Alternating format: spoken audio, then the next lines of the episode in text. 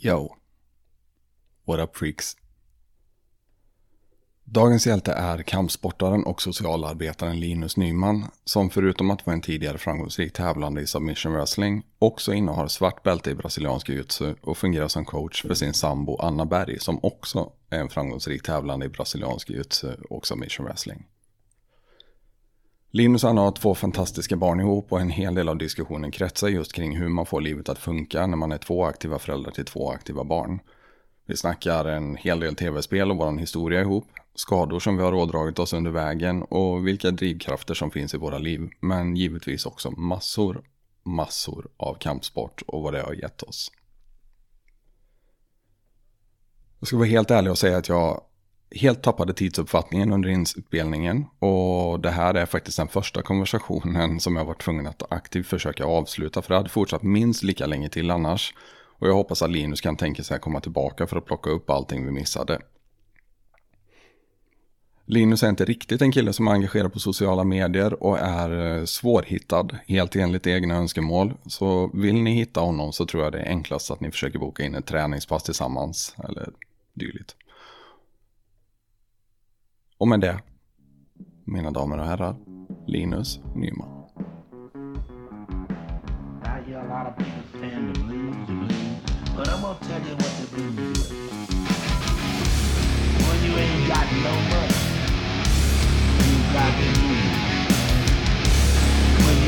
got no money to pay your house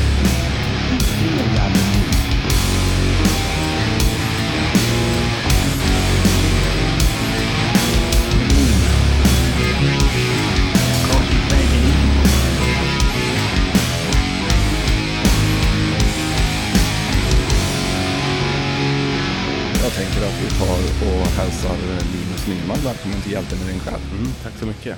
Fan vad kul att ha dig här till sist. Du har ju faktiskt kommit på tal i varje avsnitt utom ett hittills. Ja, men det är jättefint att vara här. Ja, men fan kul som sagt. Du är 35 år gammal, Mm, sambo, japp, pappa, socialarbetare och BJ svartbälte. det stämmer bra. Mm. Fan, du borde vara Skövdes första svartbälte tänker jag. Ja, jag vet i alla fall ingen annan som har svart bälte i Skövde. Sen finns det ju några i Lidköping, men i Skövde så tror jag inte vad jag vet att det finns något annat svart bälte. Vi har ju faktiskt ingen BJ-klubb här i Nej. Skövde heller, ska ju nämnas. eh, Så att, Nej, det var väl, Jo hade väl ett tag, för du tränar väl lite några gånger där? Jo men det gjorde jag. Eh, Bruno Costa Ja, eh, kommer vi väl ihåg. eh, Kanske, han var ju en sväng på Colosseum Fight Center också. ja, Uh, jäkla härlig brasilianare som, eh, jag tror han jagar gris på heltid nu. typ. Jaha, okej. Ja. Ja. Han bytte lite. Han har blivit helsvenne nu. Vet. Ja. Han har fan Okej. skaffat jägarexamen och bor ute på landet och jagar. Ja, för, för jag vet, jag och eh, min sambo Anna, eh, vi åkte dit någon gång och skulle träna. Och då hade de ju lagt ner, så vi fick ta med oss våran GI och åka hem igen. För då tror jag att det var lite på nedgång. Det, det var kanske fyra år sedan eller så. Eller tre Ja. år sedan vi var där, men då hade det lagt ner. Men annars vet jag, det är väl Karlsborg som jag vet nu och Lidköping närliggande som, som har BI. ja, men Karlsborg kör på fästningen va? Det är väl militärerna som Mm. har en egen klubb. K3 Ja. Fight Team. Ja, precis. Sen vet jag inte vad de heter nu. Jag vet inte om det har ändrats lite. Alltså för de har ju hållit på hur länge som helst, även när vi tränar MMA. Alltså ja, förr- vi hade ju K3 överbjudna ganska många gånger på ja, den gamla tiden. Här. Ja, precis. Jag vet inte hur många av dem som är kvar. Men för det har varit någon grappler därifrån som var nere för ett par år sedan också och körde. Jag tror att han håller det vid liv nu. ja, men Birre borde vara kvar tänker jag. Ja, Ja, okej. Men, eh, ja, men Birre tror jag är aktiv än och jag körde ju en del med honom i Jo också. Ja, okej. Ja. Det visste jag inte att han hade tränat där. Ja men han var där och körde ganska mycket gjorde han. Ja. Så det, men det är ju lite så med de här grönklädda, de tar ju varenda jävla träningspass de hittar Ja. överallt och är inte rädda för att resa heller. Så att det, Nej, för vi hade faktiskt idag på träningen, det var två från Karlsborg som tränade och de verkar ändå hålla igång. För jag frågade lite, de kör ju enbart giro förstod jag och fyra gånger i veckan ändå. Så det ändå håller det levande. Det är ju ganska bra med tanke på att de eh, tränar på jobbet också tänker jag. Ja, Ja, så, ja men härligt. Vad fan väger du nu? eh, 89-90 har jag kommit upp i nu, morgonvikt. Jesus, för du har väl trän eller tävlat runt 77, 79 hela tiden när vi tävlade som mest i alla fall. Ja, jag tror att det lägsta jag var nere i var när jag körde i GI i slutet var 76 någonting. Och det är så lågt jag har gått ner. Ja. Eh, men det är egentligen det senaste halvåret som jag har gått upp. För jag har legat runt 82-84 eh, ungefär morgonvikt. Men jag har lagt om träningen lite nu det senaste för att hantera alla 20-åringar som har kondition som jag aldrig kommer kunna leva upp till längre. Liksom. Så att eh, jag har fått ändra lite i, i min träning. ja, vi kommer ju fan inte tillbaka dit. Det är ju det som är det tragiska. Nej, precis. Och det är det jag kände också. Så att det är lite som när jag liksom började tappa mitt hår på huvudet. Liksom. Jag får bara axla det, raka av det snabbt. Och jag har lite fått inse det nu också. Jag måste, jag måste hantera det i tid liksom, och ändra om min träning. För det, det, det är klart att det gör ju sitta ute och springa. Men jag, jag kommer ju aldrig vara på samma nivå igen. Så att jag har börjat lyfta vikter istället. Så. Ja, men styrka är lite mer tillförlitligt i våran ålder känns det som. Ja, men jag tänker det. Alltså speciellt i GI. Alltså jag tänker att jag kan hålla fast dem. Om jag inte är snabbare så kan jag i alla fall hålla fast dem ett tag. Liksom, till, tills jag kommer byta sport. Eh, Ja, har du några alternativ alltså? I sport? Nej, alltså det är väl mer för att skydda mitt självförtroende. Då tänker jag att jag får ta vad som helst. Så det är väl vissa som, som är ute efter mig på klubben som jag, jag, jag kan inte tillåta det. Liksom. Jag kommer aldrig kunna komma tillbaka till mig själv efter det då. Så att, eh, Det värsta är att jag förstår exakt hur du tänker. Ja. nej men det är väl det. Jag har snackat för mycket skit i för många år. Så att jag liksom, jag vill inte äta upp allt. Du, jag förstår precis vad du menar. Och det är, jag, jag har varit i mottagaränden av ditt skitsnack en hög med gånger också. Så att, eh, ja. Nu är jag äldre än dig så att jag kommer ju ändå inte så här naturligt att komma ikapp dig. Så att där behöver du inte vara orolig. Men, Nej. nej. nej. nej.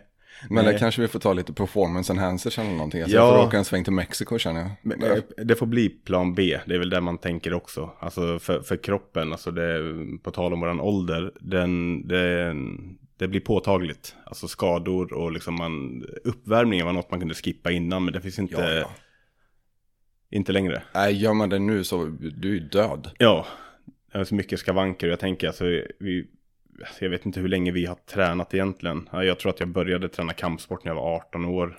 Så att jag menar, det är ju ganska många år av kampsport och jag menar, speciellt axlar och nacke känner man ju att eh, det blir aldrig riktigt bra. Nej men det är ju lite jujutsu-skador Ja. Mm. överlag tänker jag. Man bryter alltid armarna på varandra och man använder alltid huvudet som en femte lem. Ja, Vilket det kanske inte är gjort för att vara. Nej, men precis. Och sen tänker jag att det eh, kanske inte samma liksom, tradition eller liksom att man jobbar inte upp styrkan i nacken som jag tänker som brottare. Samtidigt som vi drar i nacken, stryper varandra liksom, så här, i flera år och har inte samma styrka. Eller, liksom, jag tänker att jag tror många alltså, inom jujutsun slarvar med det. Eh, så att jag tänker att vi kanske får skylla oss själva lite där också. Det är faktiskt en ganska intressant ingång för att brottare som du säger har ju monsterfys. Det är Mm. ju där de börjar. Det är väl lite den gamla ryska traditionen med strong first. Ja, Att vad du än ska göra så ska du alltid ha din kropp i form för att göra det innan du börjar egentligen. Mm. Och ryssarna är ju jätteduktiga på det där. Brasilianarna verkar vara lite sådär. Ja, nej men jag tror, alltså det, jag, jag ska inte säga något egentligen, för jag, jag, jag vet ju inte helt hur det ser ut på olika klubbar, men min uppfattning är ju lite att det är ju inte samma fokus på styrkan, och jag tänker att det ligger väl lite tillbaka, man tänker att det ska vara teknik framför styrka, så det har väl liksom ansetts inte lika fint kanske, jag vet inte. Att- Men jag att- tänker samma sak. Ja, att, att man har liksom åsidosatt det lite och drillat mer. Och jag tänker ju ändå att den perfekta stormen är ju liksom fin teknik och styrka. Liksom det, Ja, ja. Så att eh, jag tror ju att, eh, att många skulle nog bli mycket bättre och eh, ta sig längre överlag om man tittar lite mer på brottningen, hur de lagt upp sin träning. Ja, men det är bara att kolla på de som är bäst egentligen. Men fan, Gordon Ryan är ju ett monster idag. Mm. Ett jävla fysmonster. Hickson Gracie var ju byggd som en stridsvagn också. Ja, Och ja, jag vet inte vilka fler exempel vi ska ta upp. Alltså Cyborg. Ja, är ju men visst. Också ett jäkla monster. Rodolfo Viera. ja. Din Lister. eh, För, på tal om mutanter då liksom. Ja. Ja. Nej, men man kan ju försöka svepa en, en sån stabil person tekniskt. Liksom. Lycka till. Ja, det är ju så. Så Ja. att jag tror ju att man, man ska inte titta, titta bort från fysikens betydelse. Så det tror jag inte. Sen kommer jag inte ihåg. Jag tror faktiskt att det var. Jo, visst fan var det Valdo Zapata som sa till mig det någon gång. Eh, han använde faktiskt mig som exempel också. Jag tror det var på MMA Academy. Mm. Han sa någonting om att sådana här starka personer och sånt, det, det är liksom inget bra att vara stark när man börjar med BJ. Jaha, okej. Han tyckte det, det är någonting som man kan börja tänka på när man kommer upp i nivå och du Ja. faktiskt har lärt dig den grundläggande tekniken. Ja, men jag, jag kan förstå tanken i det också för att jag tror att man, alltså, jag tänker att du kan ju inte bortse från tekniken för till slut så kommer du vara stark. Eh, eh, eller du är stark och liksom du, du kommer komma till en viss teknisk nivå. Men sen när du möter någon som liksom inte har slarvat med tekniken och fokuserat på den och är stark liksom längre fram med högre nivå i tävling, då kommer det bli svårt. Och jag tror väl att så, så jag delar väl ändå den tanken med att eh, styrka kan ju hämma den tekniska utvecklingen. Det, Visst fan kan du göra det? Och alla Mm. pratar ju alltid om att om du ska lära dig jujutsu så ska du egentligen göra det om någon som är liten. Jo men det, det, det tror jag mycket på. Alltså för jag tänker att de, de det blir ju, det, det, krävs ju mer av dig. Alltså eh, för Absolut. att hantera de högre viktklasserna. Alltså jag tänker att man, man kan inte bara liksom förlita sig på tyngden och andas. Liksom. Du behöver vara teknisk. Liksom. Du behöver hantera alla de här monsterviktklasserna. Ja, om du är van vid att vara minst i rummet så är du också van vid att du får förlita dig på din teknik 100%. Mm, visst. För du kommer inte fysa sönder eh, Emil Johansson. Eller, Nej, eller, nej, nej, men visst. Så teknik. Ja, och det är väl Gordon Ryan ett bra exempel på. Alltså så, för att han... han Perfekta stormen som vi ja, pratade om. Ja, men precis. Så då blir det skrämmande. Alltså för att här, det är också det här, jag tänker många stora som då kanske inte jobbar med tekniken. Man, man körde bara topp, liksom hade kanske ingen guard, hade liksom inte samma förmåga i de positionerna. Och när du liksom hamnade där så, så blev du eh, ja, men försvarslös. Det var inte alls samma nivå som det top game. Men, men det, det ser man ju med de personerna som är tekniska och liksom har lika fin guard som de har top game. Så att... Ja, men det var någonting som vi inte hade sett riktigt, tänker jag. För Marcelo Garcia stormade Mm. ju in på scenen vid något tillfälle och mördade hela Mm. jävla ADCC, fast han vägde 70 kilo någonstans. mm. Och då ser man ju alltså, vad teknik kan göra.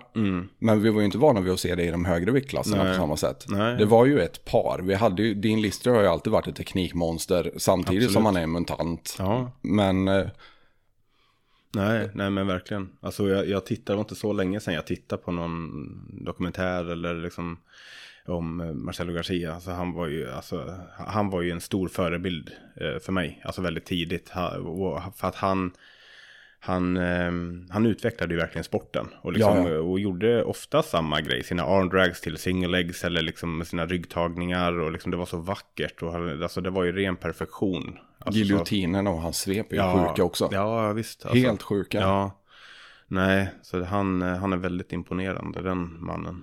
Verkligen, och ser så jävla härlig ut också. Mm. En liten apa med ett jätteleende jämt. Ja, och verkar vara en sån fin person liksom. Och då, då kan man ju inte annat än att älska en sån eh, person liksom. Så att, eh, nej. Nej, det går ju inte. Jag vet, vi hade ju två polacker som eh, var och tränade hos oss en hel del. Två svartbälten från Polen.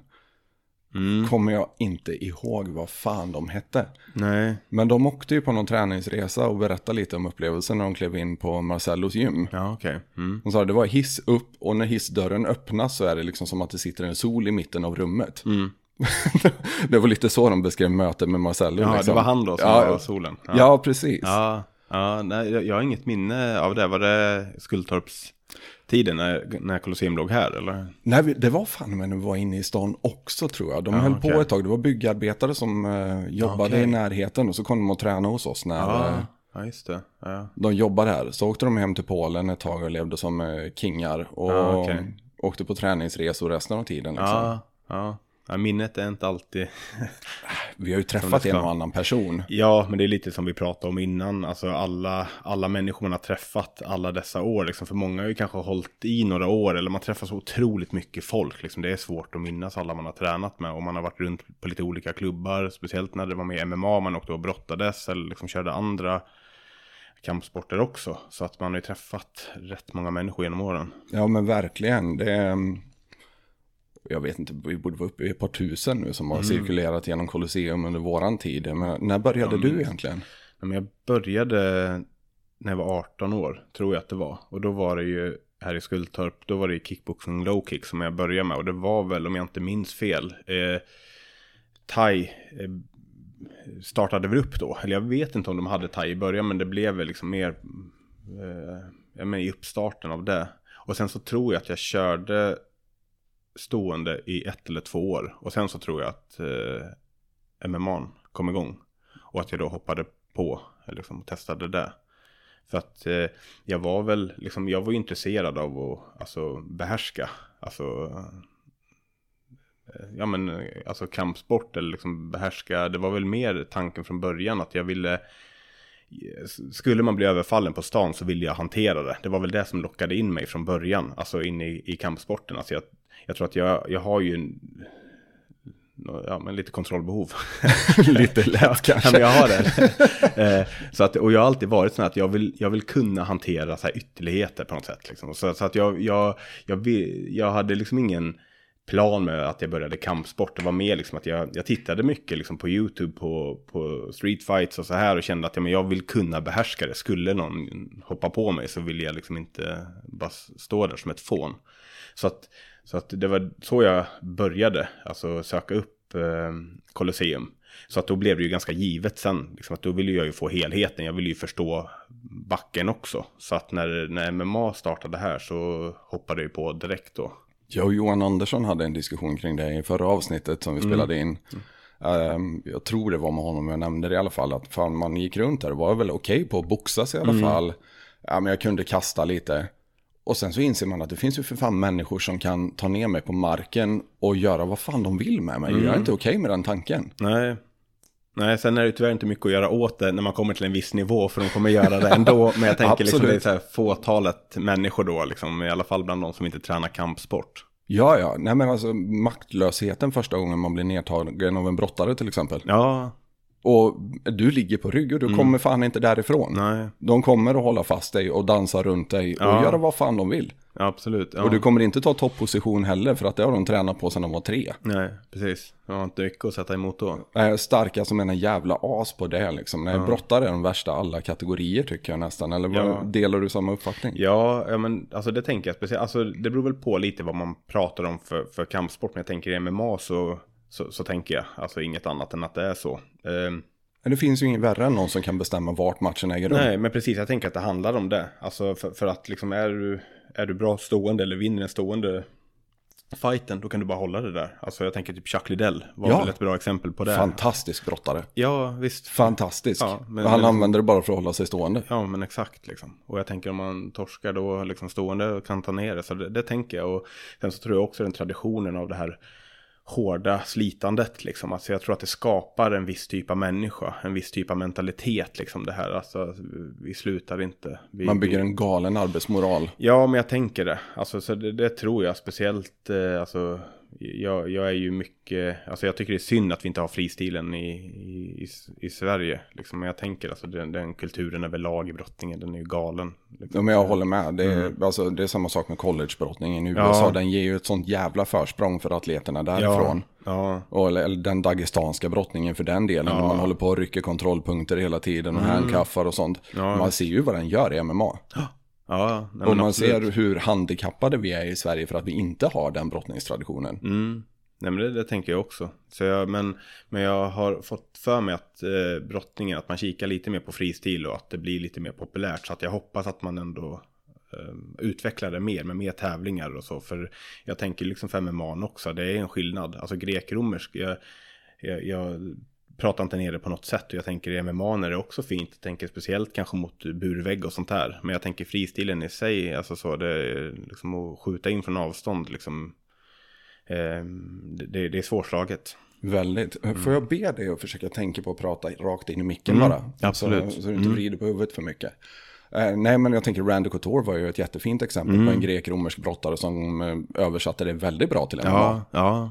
Och hans grej var ju att trycka upp folk mot buren och stå och slå dem. Liksom. Ja, Det, nej men jag menar det blir som kontroll där utan dess like. Så Absolut. Att, eh, det fyller ju verkligen sin funktion med grek-romersk också, speciellt i MMA. Liksom. Men, men sen så tänker jag det blir ju lite annat i liksom en BJ-match när, när det, eh, även när du har tagit ner det, alltså så, så tänker jag att då, då kanske det inte blir lika fördelaktigt som det skulle vara i MMA. Alltså när du kan liksom få topp och slå så. Men, men visst tänker jag att det, det är få grunder som är så fin som brottningen liksom. jo, men det är en jättebra grund för grappling också. Tycker jag. Ja, ja, ja, absolut, så är det ju. Bara det där att man är van vid att hålla i människor. Mm. För det, det är man ju inte från början. Nej, och en förståelse liksom för balanspunkter och sånt här med svep också. Jag tänker som du säger med bara kontroll, liksom hur vi eh, med alltså reglerar och ändrar kontrollen liksom på, olika sätt. Från skulderblad till höft eller liksom sådana saker som jag tänker man, man för med sig. Ja, visst. Hur ser träningsupplägget ut nu? Alltså jag ser ju att du har gått upp i vikt, så mm. hur, um, hur lyfter du, måste jag fråga? Nej, men nu lyfter jag, hur många dagar blir det i veckan? Jag tror jag lyfter kanske fem gånger i veckan ungefär. Damn, det är mycket ändå. Ja, alltså sen så får jag anpassa det att jag eh, lyfter inte alltid på gym Eh, så, alltså det blir eh, en del hemma i garaget också. Alltså att jag får försöka få ihop allting med, med familjeliv och, och liksom jobb och så. Självklart. Eh, men eh, jag började väl lyfta nu efter i somras tror jag att jag började. För innan så körde jag jättemycket. Jag körde mycket burpees, jag körde mycket eh, chins. Eh, och det har väl gjort det liksom en tid. Alltså det var väl också för att eh, eh, ja, men det var enkelt att få till de passen. Men sen så kände jag väl det, det var väl det här när gubbakroppen gör sig påmind ständigt liksom. Alltså skador och liksom jag blir, jag har inte samma kondition. Så kände jag att jag behöver liksom ta tag i det här i tid nu. Så för liksom äta upp mig och lyfta lite vikt. Så att, eh, nej men så då började jag lyfta eh, i somras och då lyfte jag väl tyngre. Alltså så, ja, men mellan eh, fyra till sex repetitioner. Men alltså jag, jag, är rätt skadad och paj i kroppen på olika sätt. Så att jag ändrade så att jag lyfter eh, nu tror jag att jag mellan 8 och 12. Och för, för det, det känns, det blir inte lika belastande för kroppen har jag känt. Så att Nej men då förstår jag, jag också varför jag börjar bygga volym. Mm. Och när man gör det så pass ofta också som fem gånger i veckan. Det är, hur återhämtar du dig efter det? Nej men det blir väl, alltså det blir väl att liksom inte tänka på att man behöver göra det kanske. Alltså, nej, alltså det är dåligt med det. Alltså det är dåligt med sömn för att det blir sena träningar. Jag är uppe tidigt och jag pendlar ju till jobbet. Jag har ju 45 minuter till jobbet. Och familjefar på det. Ja, precis. Och deras aktiviteter och allt vad det innebär. Så återhämtningen skulle ju kunna vara bättre. Och det tänker jag att jag skulle få bättre resultat också. Så, för så, så är det. Alltså för eh, nu kör jag ju kanske jujutsu tre eller fyra gånger i veckan också lyfter på det. Och då tänker jag att det, det liksom dagarna blir ju liksom, det är ju schemalagt från jag vaknar till jag går och lägger mig. Det finns liksom ingenting däremellan eh, så. Och inte så mycket tv-tid eller så här, jag prioriterar ju bort allt annat. Så, så, att det blir inte jättemycket återhämtning. Så att det är väl en, en brist då. Men det, jag, får inte, jag får inte ihop eh, livet just nu med det. Och då tänker jag hellre att jag eh, får in mina pass för att det, det blir mer värdefullt för mig än återhämtningen. För er som inte lyfter också då ska vi ju nämna att eh, när vi pratar om reps och så vidare så pratar vi om antalet reps som man klarar av. Mm. Så om vi pratar 4-6 reps då pratar vi ungefär maxvikt för vad du klarar av. För klarar ja. du 7 reps så har ja. du för låg vikt på stången. Ja. Det är lite det som brukar vara tanken bakom. Mm. Kör man 8-12 reps då skulle du inte klara 15 egentligen. Nej, nej men jag, jag kör alltid, det är därför jag lägger det mellan 8 till 12, för jag kör alltid tills jag misslyckas, eller liksom tills jag är liksom 90% säker. Det är ju, som knä, knäböj vill jag ju gärna inte misslyckas med. Alltså så, jag har den gjort det några gånger, den är trökig. men, men, jag vill ändå liksom så här vara 90% säker att jag har inte en till i mig. Alltså på något sätt. Så jag försöker ändå ta det. Och bänk, bänken är väl också en sån sak. Att jag, det, det, det är ju mest ledsamt att fastna där. Hur många gånger har man inte fått rulla ner den jävla stången till magen och sätta nej, sig upp? Nej, för precis. Nej, men jag skippar klämmorna i den också. Så jag kan ah. tippa den liksom. Eh, men, men annars så försöker jag göra tills jag inte kan. Alltså, så, så att jag lägger upp det. Och det är väl därför jag lägger det liksom 8-12. För då, då kör jag. Jag ska göra minst 8 men liksom, sen tills jag inte kan. Ja, men kör man till failure på max reps, då blir man ju så jävla trasig också. Men hur mm. upplever du det ifall du alltid nästan kör till failure? För att det är ju lite stick i stäv mot vad ryssarna säger till exempel. Mm, okay. man, man, ska ju mm. helst aldrig köra till failure för att Nej. återhämtningstiden blir så mycket längre. Ja. Och du har längre tid innan du kan träna med full kapacitet igen, är ju tanken mm. där. Nej, nej, men det ligger säkert mycket i det. Alltså jag skulle kunna, säkert kunna lägga om det och träna mer optimalt. Det, det är jag övertygad om. Men för mig är det ju, det är inte bara det fysiska jag är ute efter. Alltså det blir liksom på något sätt att jag vill bli det här, här det, det, är ju det mentala också. Alltså på något sätt. Att ja, jag, men jag, helt klart. För att jag, jag, har alltid, jag har alltid gillat att träna på det sättet tills jag liksom inte, tills det inte funkar, tills jag är slut liksom på riktigt. Och så att eh, det, jag har alltid gillat den typen av träning. Det har alltid passat mig. Så att jag tror att det är lite därför jag har lagt upp det på det sättet också. Men, det, du har alltid varit ett konditionsmonster också. Har använt din fysikalitet Mm. väldigt mycket till att köra över folk. Så att jag förstår det där upplägget med. Det, det är ett jävla självförtroende i att veta att man kan fysa sönder någon ifall inte tekniken räcker. Ja, jo, nej men visst alltså. Sen, sen så tror jag inte alltid att det har varit så medvetet för mig. Det är mer att jag gillar, jag har gillat slitet på något sätt och jag gör det fortfarande. Eh, så att, jag, men sen, jag- för jag har lagt, alltså jag har ju tränat på andra sätt också. Liksom när jag tar det mer vackert och inte till failure. Att jag går liksom mer på, mer på reps överlag. Alltså jag har tänkt mer när jag körde, jag körde jättemycket, eh, alltså kroppsviktsträning. Liksom bara mycket, bara antal, bara bara knä, knäböj utan vikt, liksom armhävningar och chins och gjorde mer där. Men jag gillar inte det på samma sätt. Jag gillar den här känslan av att jag, jag har ingenting kvar i kroppen. Alltså det blir en tillfredsställelse för mig som jag har svårt att få på ett annat sätt. Så Jag älskar det med och det får ju huvudet att sakta ner också. Ja, men det, det är mycket, jag tror att det är därför jag tränar egentligen. Alltså jag tror att det är därför jag är kvar i det, för att jag har ju inga mål med det egentligen. Annat än att, eh, nej men alltså, Tygla apan.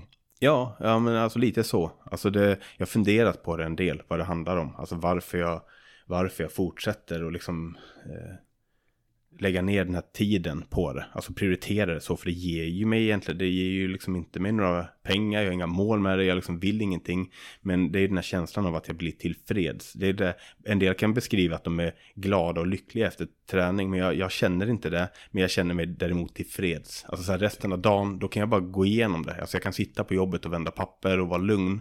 Men bara jag har fått göra det här på något sätt. Ja men det är ju ett underbart vakuum som upp, uppstår på något vis. Där man slipper eh, vara reaktiv. Eh, vilket eh, jag har lite problem med i alla fall. Jag är en extremt reaktiv människa när jag inte tränar som jag ska. Nej. Och vakuumet som uppstår efter man har varit och kört ett underbart pass på klubben till exempel, blir avskuren i trafiken. Alltså en sån grej kan ju få mig att utveckla men, utförliga mordplaner på okej, väldigt ja. kort tid i Ja. vanliga fall. Men kommer jag från klubben så är det ah fan, hoppas de kommer fram i tiden, man har säkert bråttom. Liksom. Ja, nej men visst. Nej men, jag, nej men jag, jag, jag håller med dig på många sätt. Och jag tänker att det är, det är så jag vill vara. Eller jag ser upp till den typen av människor. Liksom. Så att det är väl också det att det får mig att vara den personen jag, jag vill vara. Och då kräver det liksom också. Ja, men jag prioriterar bort mycket. Alltså så här mycket saker som kanske är roligt eller gött för stunden. Men jag vet att det här ger mig någonting på sikt som, som jag behöver. Ja. Nej men jag tror det ligger mycket i det där också. Jag såg en helt underbar meme. eh, När, eh, du vet, folk som tränar för estetik och folk som tränar för styrka. Och hur folk som tränar för att få sad head go away eh, mördar ja. dem båda två liksom. nej men det blir väl det liksom. Ja men för att du, ja nej men jag, jag håller väl med dig på många sätt. Och jag tänker att det, det kanske inte alltid är det, det lyckligaste sättet att hantera det så. Men jag tror liksom att det gör ju också att vi kan fortsätta över tid. Alltså så. För att det blir liksom bara en del av vardagen som liksom, det blir bara en del av livet för att liksom kunna vara den här personen. Ja, men som jag sa, som vi vill vara. Ja visst. Jo men det, jag har också någon sån här sinnebild av att jag skulle vilja vara som stoikerna. Marcus Aurelius är en jätteförebild till mig till exempel. Älskar självbetraktelser, jag älskar att läsa de där gamla böckerna från stoikernas tid. Uh, kan, fan, jag måste nästan ge en liten hyllning till Jordan Peterson där också för att han lyfter samma idéer igen. Eh, man kan kalla honom för eh, allt möjligt eh, och till viss del så plagierar han också bara gam de gamla stoikernas idéer. Men jag är ändå glad att någon lyfter dem. Ja, För de är så högaktuella än idag. Jag skulle vilja vara sån men samtidigt så vet jag också med mig att jag är en reaktiv jävel och Ja. jag eh, jag är ingen stoiker i grunden utan jag måste träna Ja. hårt för att hamna i det vakuumet när jag blir en stoiker. Ja, nej men, och jag tror att vi alla har sätt att hantera alltså tankar och känslor, alltså på något sätt. Vi är olika, vi är alla olika och vi har olika sätt att hantera det. Och jag tänker att det är hitta sitt sätt och det här var, det är mitt sätt att, att, att hitta det och vara en långsiktig mm, person, eller vad jag ska säga, liksom, långsiktiga mål eh, för att vara, bli den personen. Um, så att eh, nej, men det har väl varit en process egentligen. Alltså, men för mig har den också varit mycket alltså, för att hantera tankar och känslor. Alltså det blir ett sätt att reglera det. Liksom inte lägga för mycket vikt vid saker som blir ohjälpsamt eller inte leder mig i den riktningen jag vill i livet. Ehm, så att jag, jag tror att det är mycket liksom utlopp som inte jag tänker är destruktiv. Eh, och jag tror att det är därför jag håller kvar i det. Ja, men jag tänker vi, vi har lite samma typ av personlighet båda Mm. två. Och det är väl därför vi har passat så bra också. I, ihop genom alla år tänker jag. Mm. För vi har ändå hållit ihop ett tag. Men Ja. eh, den personligheten, är, det är ju en beroende personlighet i grund och botten tänker jag. Och jag vet själv hur mottaglig jag är för stimulans. Mm. Och då måste jag också nästan välja mitt beroende lite. Mm. Ja, det med. Så jag tror det är lite där det handlar om också. Ja. Och det, i grunden så är det väl förmodligen det. Jag har ju i veckorna fått på papper att jag har eh, ADHD, liksom en Mm. utredning som har pågått ganska länge. Och då i praktiken så har jag ju gått med obehandlad ADHD genom hela Mm. livet. Mm. Och det här har ju på något sätt blivit medicinen jag har saknat då. Mm. Men jag tror att det är så för många. Alltså, liksom, även om inte det är en ADHD-diagnos, liksom, jag tänker en ångestproblematik eller något man mår dåligt. Jag tänker att det är på många sätt alltså, hjälp, hjälpsamt för oss och för många tror jag. Ja men jag tror det också, särskilt män. Alltså jag vet Ja. inte hur många jag har pratat med som beskriver det här att de vaknar med ångest. Mm. Och det är, vad fan, ställ en kettlebell bredvid sängen då. Ja, Och när du vaknar med ångest så ta tag i den där och svinga Ja. fanstyget tills Mm. ångesten är borta. ja men det, det tror jag också. För jag tänker att det är inte så, det är inte så länge i människans historia vi har suttit och liksom, kikat på papper och liksom vänt blad. Alltså, Det är här, en jätteny uppfinning. Jo, men jag, så, så att jag tänker att liksom vi, jag, jag tror att vi, vi, vi är mer primitiva än vad vi tror. eller många gånger. Och jag tror att vi har det här behovet av liksom fysisk aktivitet. Absolut. Och jag tror, alltså, jag brukar alltid säga att civilisationen är ju egentligen bara en illusion. Mm. Mm. Det är en tunn jävla illusionslöja som ligger över vårt samhälle, men ta bort elen i tre dagar och se vad fan som händer med civilisationen. Liksom. Nej. Det, jag, jag tror inte på det överhuvudtaget, utan vi är savages allihopa Mm. i grund och botten. Ja. Och jag tror det krävs väldigt, väldigt lite för att vi ska återgå dit. ja, men det tror jag. Så att det handlar väl om att göra något, något positivt av den, den kraften inom oss. Och den energin, ja. Och det, precis som du säger, det här med att vi ska sitta still och vända papper. Mm. Vad fan, det gjorde vi inte för 50 år sedan ens. Nej. För 50 år sedan så slet vi fortfarande ihjäl oss eh, fysiskt i fabrikerna och Mm. som bönder och allt möjligt. Så helt plötsligt så förväntas vi sitta still åtta timmar per dag. Eller tio om man är Mm. vuxen för att du ska ju ta dig fram och tillbaka till jobbet också. Och det sitter du också still. Ja, nej men eller hur. Det... Nej, så att det var fint att vi hittade kampsporten. Så vi fick det utloppet. Eller träningen överlag, kanske inte just kampsporten. Alltså det, det var nog liksom tillfällighet. Annars hade jag nog hamnat i något annat tror jag. Men, men jag är tacksam för att jag hittade den. Alltså den gemenskapen och alla personer man har träffat inom kampsporten. Det, Ja, men jag är jättetacksam för det också. För att jag började ju kampsporten när jag var 8-9 år. ja, okej. så började jag med judo. Det var, det var en sån här grej som man fick göra några gånger i veckan. Liksom. Cykla Mm. igenom hela jävla stan och så träna judo med vuxna och så cyklar man hem igen. så det höll ju inte sådär jättelänge för att det är inte så jävla kul att bara träna med vuxna när man är så pass ung. Ja, Eller tonåringar då, det, det är tråkigt. Det är svårt Är att få till ett höftkast på en vuxen när man är, är barn. Det är lite småbesvärligt, Mm. det får man faktiskt säga. Så det höll inte mer än något år eller två, men det var ju min första kärlek okej. inom kampsporten egentligen. Ja, det visste jag inte. Jag trodde boxningen var det första du hamnade i. Jag hamnade där i 14-årsåldern. Ja, okej. någonstans. ehm, och gjorde det ett tag ehm, med blandade resultat. Liksom. Men alltså, kampsport har alltid varit en kärlek för mig. Mm. Och på något vis så har det gett mig en, ett sätt att bearbeta allt annat också. Mm. Det är lite som Miyamoto Musashi pratar om i en av mina favoritböcker, eh, The Book of Five Rings. Mm. Att processen ser likadan ut oavsett vilket ditt yrke är. Mm. Om du är krigare eller snickare, det spelar absolut ingen roll, för processen är precis likadan. Mm. Du måste träna exakt lika mycket, du måste hålla dina verktyg Ja, i exakt samma skick, du måste behandla din kropp Mm. på samma sätt Mm. för att bli bra på både och. Mm. Så jag tror liksom att det det gav mig var en struktur Mm. som jag kan se Ja, just det.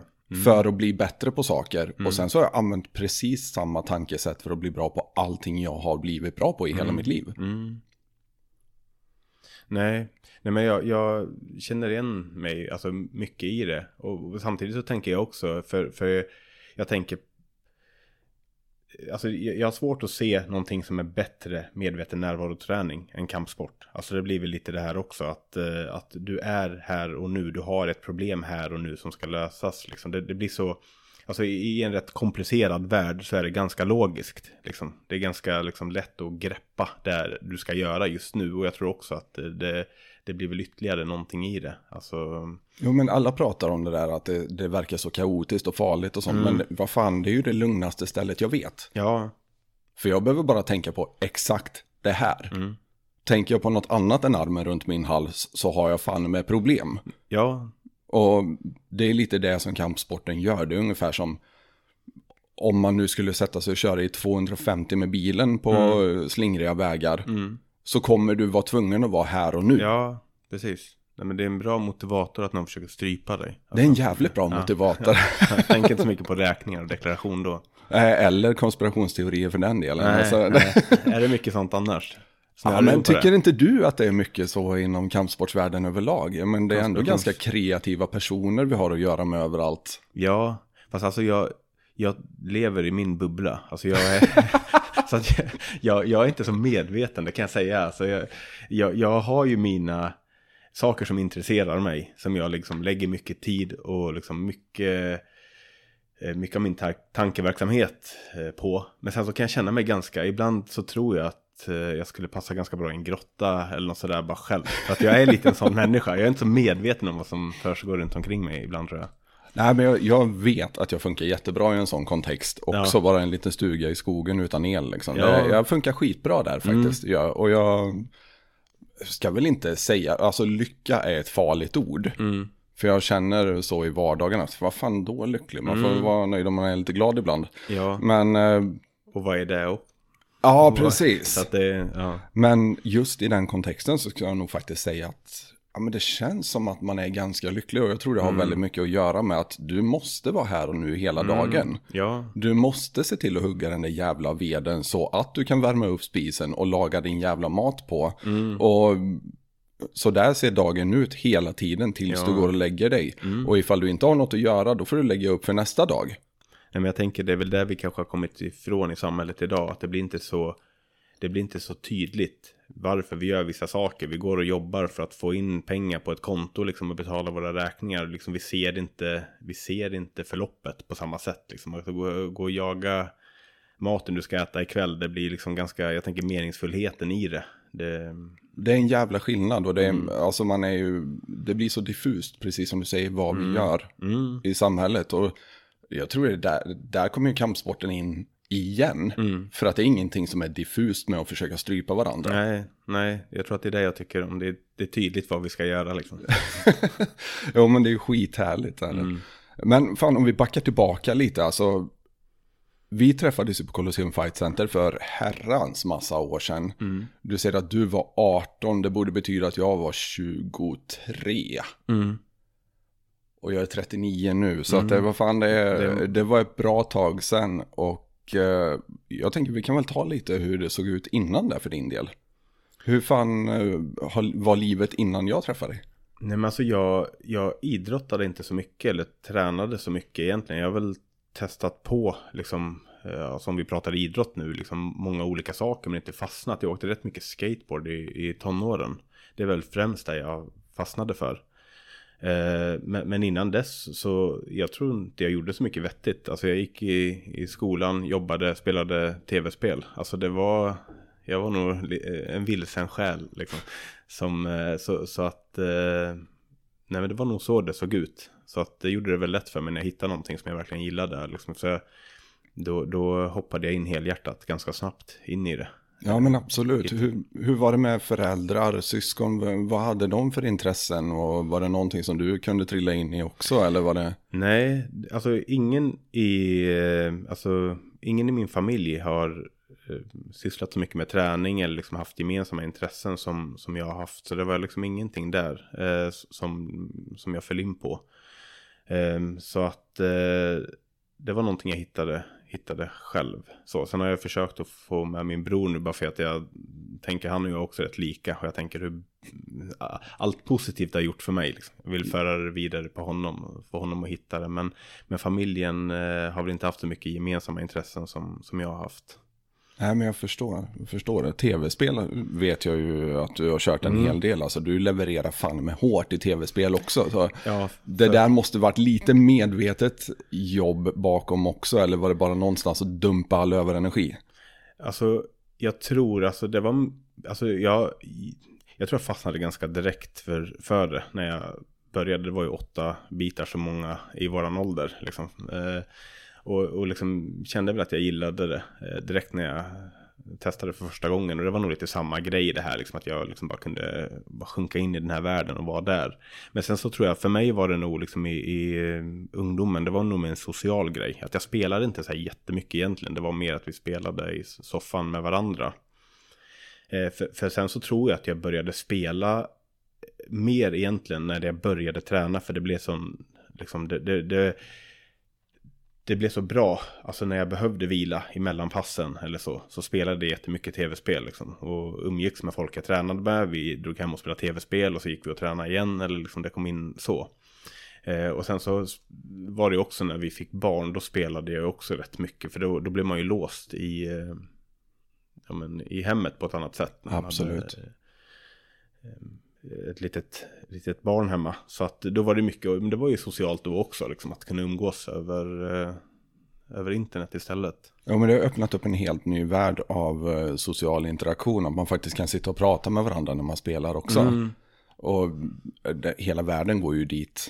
Ö- Ja. Överlag tycker jag. Fan, vi har ju börjat prata med varandra i headset när vi kör hoj liksom. Och det, är- Ja, okej. det är ju en revolution för mig. För att jag har ju alltid bara lyssnat på hojen och bara stängt av världen. Men, Mm. Ja, men det är faktiskt jävligt kul att sitta med headset och vara 18 stycken ihopkopplade också när man kan vara det och bara kan jag och liksom, fan håll till höger här nu för jag kommer Ja. på bakhjulet utanför liksom. ja, Ja men det blir, det blir en helt eh, annan grej. ja. Fast kanske inte alltid så positiv egentligen när man tänker på det här vara här och nu och liksom uppleva det man upplever. Alltså Nej. just det, här, den digitala utvecklingen tänker jag ibland. Nästan ständigt vara uppkopplad och tillgänglig och liksom jag vet inte egentligen vad jag, vad jag tycker om det. Alltså, Du vet ju hur jag är, jag är ju inte en jätteoffentlig person som gillar det. Så att jag, jag är så här lite, eh, kanske gubbvarning på mig men. Nej men jag förstår oron kring det där också. Och samtidigt så är det så jävla lätt att trilla in i. Jag Ja. tänker att det är en risk också för, särskilt för sådana här människor som vi som är känsliga för stimulans överlag. Jag menar, det är ju sjukt sexigt upplagt att du sitter och kollar på den här glänsande skärmen hela tiden. Du får långsamma dopaminkickar hela tiden. Precis som det kan vara när man sitter och spelar. Ja, visst. Om man bara försvinner in i något dumt jävla spel som du inte får någonting för Nej, egentligen. nej, jag vet. Men det känns som att det är så jävla viktigt. Så Ja. Mm. att till sist så sitter du där och du vill inte gå och pissa, du vill inte äta, du vill inte göra något annat än att bara sitta och fortsätta utvecklas i spelet. Och jag tänker att sociala medier är ju upplagda precis så. Ja, Förutom att de faktiskt känner av dig i realtid också. Och lägger upp sig själva för att vara ännu mer attraktiva utefter hur du reagerar. mm, det är farligt, jag tror det.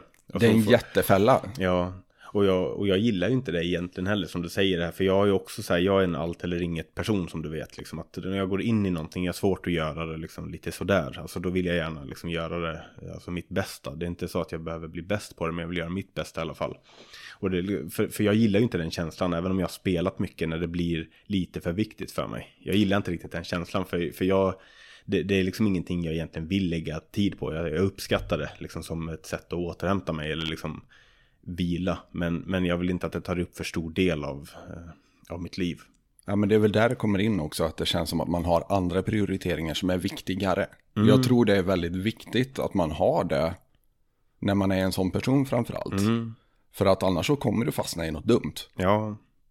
Nej, men visst. Absolut, om du inte har liksom den här helikoptervyn och den större bilden av att nej, men det finns någonting annat utanför det här tv-spelet eller sociala medierna som är viktigare. Ja. Som jag måste lägga fokus på. Ja, nej men det tänker jag. Och sen så, men sen så tror jag inte att det blir samma för, för andra. Liksom, det är lite som, som träningen är för oss. Att vi blir den personen vi vill vara utifrån träningen. För träningen är meningslös i sig. Alltså den, den bidrar inte till något positivt för familjen egentligen. Det är ju, det är ju Inte liksom, det minsta. Nej, men, men jag blir kanske en bättre pappa, en bättre partner.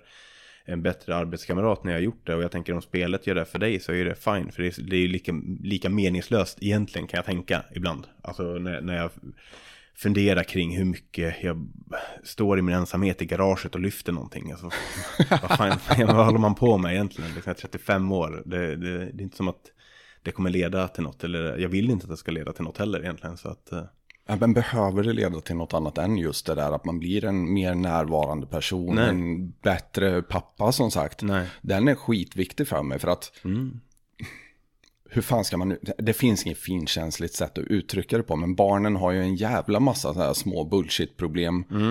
Som de kommer med att eh, den sa det och den gjorde det och jag kastade en sten i huvudet på den i sandlådan. Liksom.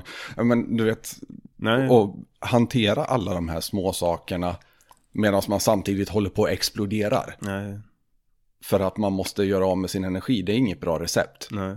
Det funkar inte riktigt, så jag tänker att det här idiotbeteendet som vi håller på med, men jag tränar 10, 12 pass i veckan, jag också för det mesta. Mm. Och det kommer absolut inte leda någon vart. Vad fan, jag har en bruten rygg, jag kan inte ens tävla längre. Inbillar jag mig själv i alla fall. Medan jag samtidigt andra dagar tänker, fan, om man inte skulle ta och göra lite comeback alltså. Ja. Ja.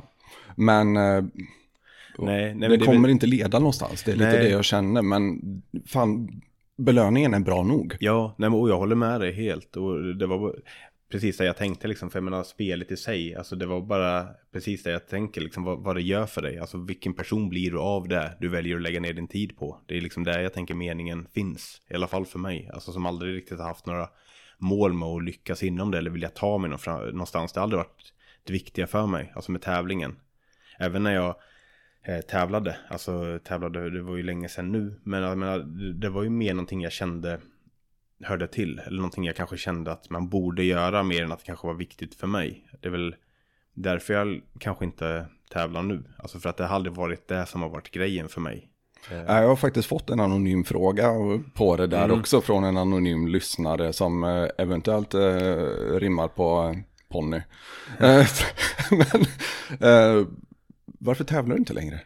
Nej, nej men jag tror, det är ju, det är ju lite, det, det är flera anledningar. Alltså dels som, som min sambo är ju jätteduktig och, och liksom har åstadkommit jätte, eh, jättemycket inom idrotten. Helt fantastiska hon. Ja. Eh, Anna kan vi nämna också. Ja, Ja, Nej, men eh, hon har väl eh, tre SM-guld och liksom kom tvåa i ADCC Trials eh, i eh, Europa. Alltså så jag menar hon, hon, och hon brinner ju för det. Alltså hon gillar det genuint liksom. Alltså det är det hon har tyckt var roligt. Och jag hon liksom, gillar tävlingsmomentet väldigt mycket va? Mm, nej men det gör hon. Alltså, och jag, jag gjorde aldrig det på det sättet. Alltså i början var jag ju, jag var ganska nervös och tyckte det var jobbigt att komma in i liksom och få med mig själv ut på mattan. Men liksom det lärde jag väl mig att hantera och liksom kunde hitta mig själv även i tävlingssammanhangen. Men, men det blev aldrig, det var aldrig det som var liksom målet för mig. En del kan ju känna att de behöver ha det här för att träna. Men för mig, ja, men som vi pratade om, det här är bara en del av min dag. Alltså det är någonting som jag behöver. Jag behöver äta för att må bra, jag behöver träna för att må bra. Så att det, då var det ju liksom givet, Anna vill göra det här.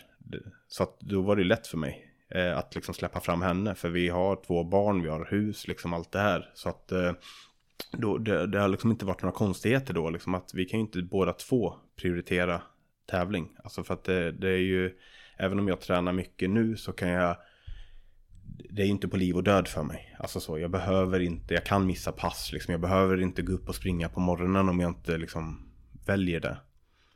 Eh, så att det var, det, nu har det, det blev väl så efter vi fick barn. Jag tog ett steg tillbaka för att Anna verkligen ville göra det och jag hade inga problem med det. Alltså så. För jag fick ut det jag ville av min träning och hon kunde liksom få, få utvecklas. Och, Ja, men det är Plocka medaljer. skitfint. Ja, men, och du är ju involverad i det också. Du åker ju med som coach överallt. Mm. Och du är väldigt supportande i hennes träning. Jag tänker mig någonstans också att så nördiga som ni är. Jag Mm. menar, du framstår kanske inte så, men du är minst lika nördig som jag. Ja, så sitter ni hemma på kvällarna och kollar liksom gamla matchfilmer Mm. och analyserar och funderar på dagens träning och sådana här grejer, eller? Ja, men både och. Alltså ofta så blir det ju alltså till vardags om hon inte har någon specifik tävling eller motståndare så kan det ju bara bli sådana saker som att vi sitter i bilen på väg hem från Lidköping, vi har 45 minuter och kan prata liksom så här om, om problem som har uppstått. Alltså Det där är en jävla härlig debrief alltså, egentligen efter träningspasset. Jag tror inte många tänker på det. Men du har lite fördel av att pendla till träningen. För dels så hinner du förbereda dig mentalt inför att kliva på mattan. Du hinner bygga upp lite förväntan och så vidare inför passet. För att vi kan säga vad fan vi vill, men jag tror du blir lite pirrig varje gång du går ut på mattan än. Ja, Annars så hade vi nog inte gjort det, eller? Nej, alltså jag hade det i mig ganska länge, men alltså nu, jag vet, alltså ibland så känns det som att jag tappat kontakt med mitt huvud. Alltså, så här, jag, jag, jag, alltså det är lite som jag beskrev, alltså jag, ibland så känner jag mig inte så närvarande i livet. Liksom. Jag bara går runt här och tränar, så jag känner inte riktigt det nu, nu blir det bara någonting jag gör. Men, så att, eh, men visst har jag absolut känt så länge, liksom, och jag gjorde länge. Men nu tror jag att det, det, är liksom, det är så invant för mig, alltså jag, det är så många år liksom på något sätt.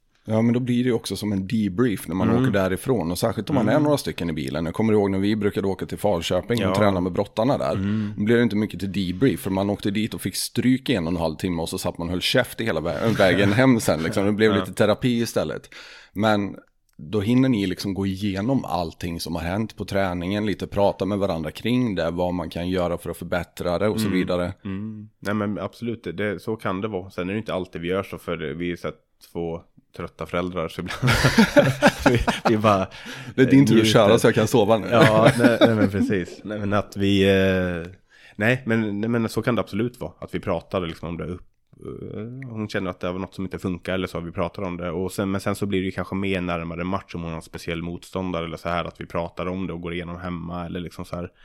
Jag kan dela mina tankar, liksom vad jag, vad jag tänker. Sen har ju liksom Anna ett jättefint system som hon liksom utgår från. Hon har ju lite annan stil än vad jag har liksom så. Så många områden som hon är otroligt mycket bättre på än vad jag är. Så att, eh, men eh, sen sen är det väl, så det blir väl mer försvar i och med att jag kanske gillar benlås och, och, och det, kört mycket den typen av positioner som hon inte har kört lika mycket. Att jag kan liksom förklara vad som skulle vara irriterande om hon gjorde mot mig. Liksom. Så, att, eh, men, ja, men så visst, är- visst är det så. Alltså, vi, vi, vi har ju pratat mycket och liksom, det är en, titta matcher och sånt tillsammans. Det blir väl det fina att ha det gemensamma intresset.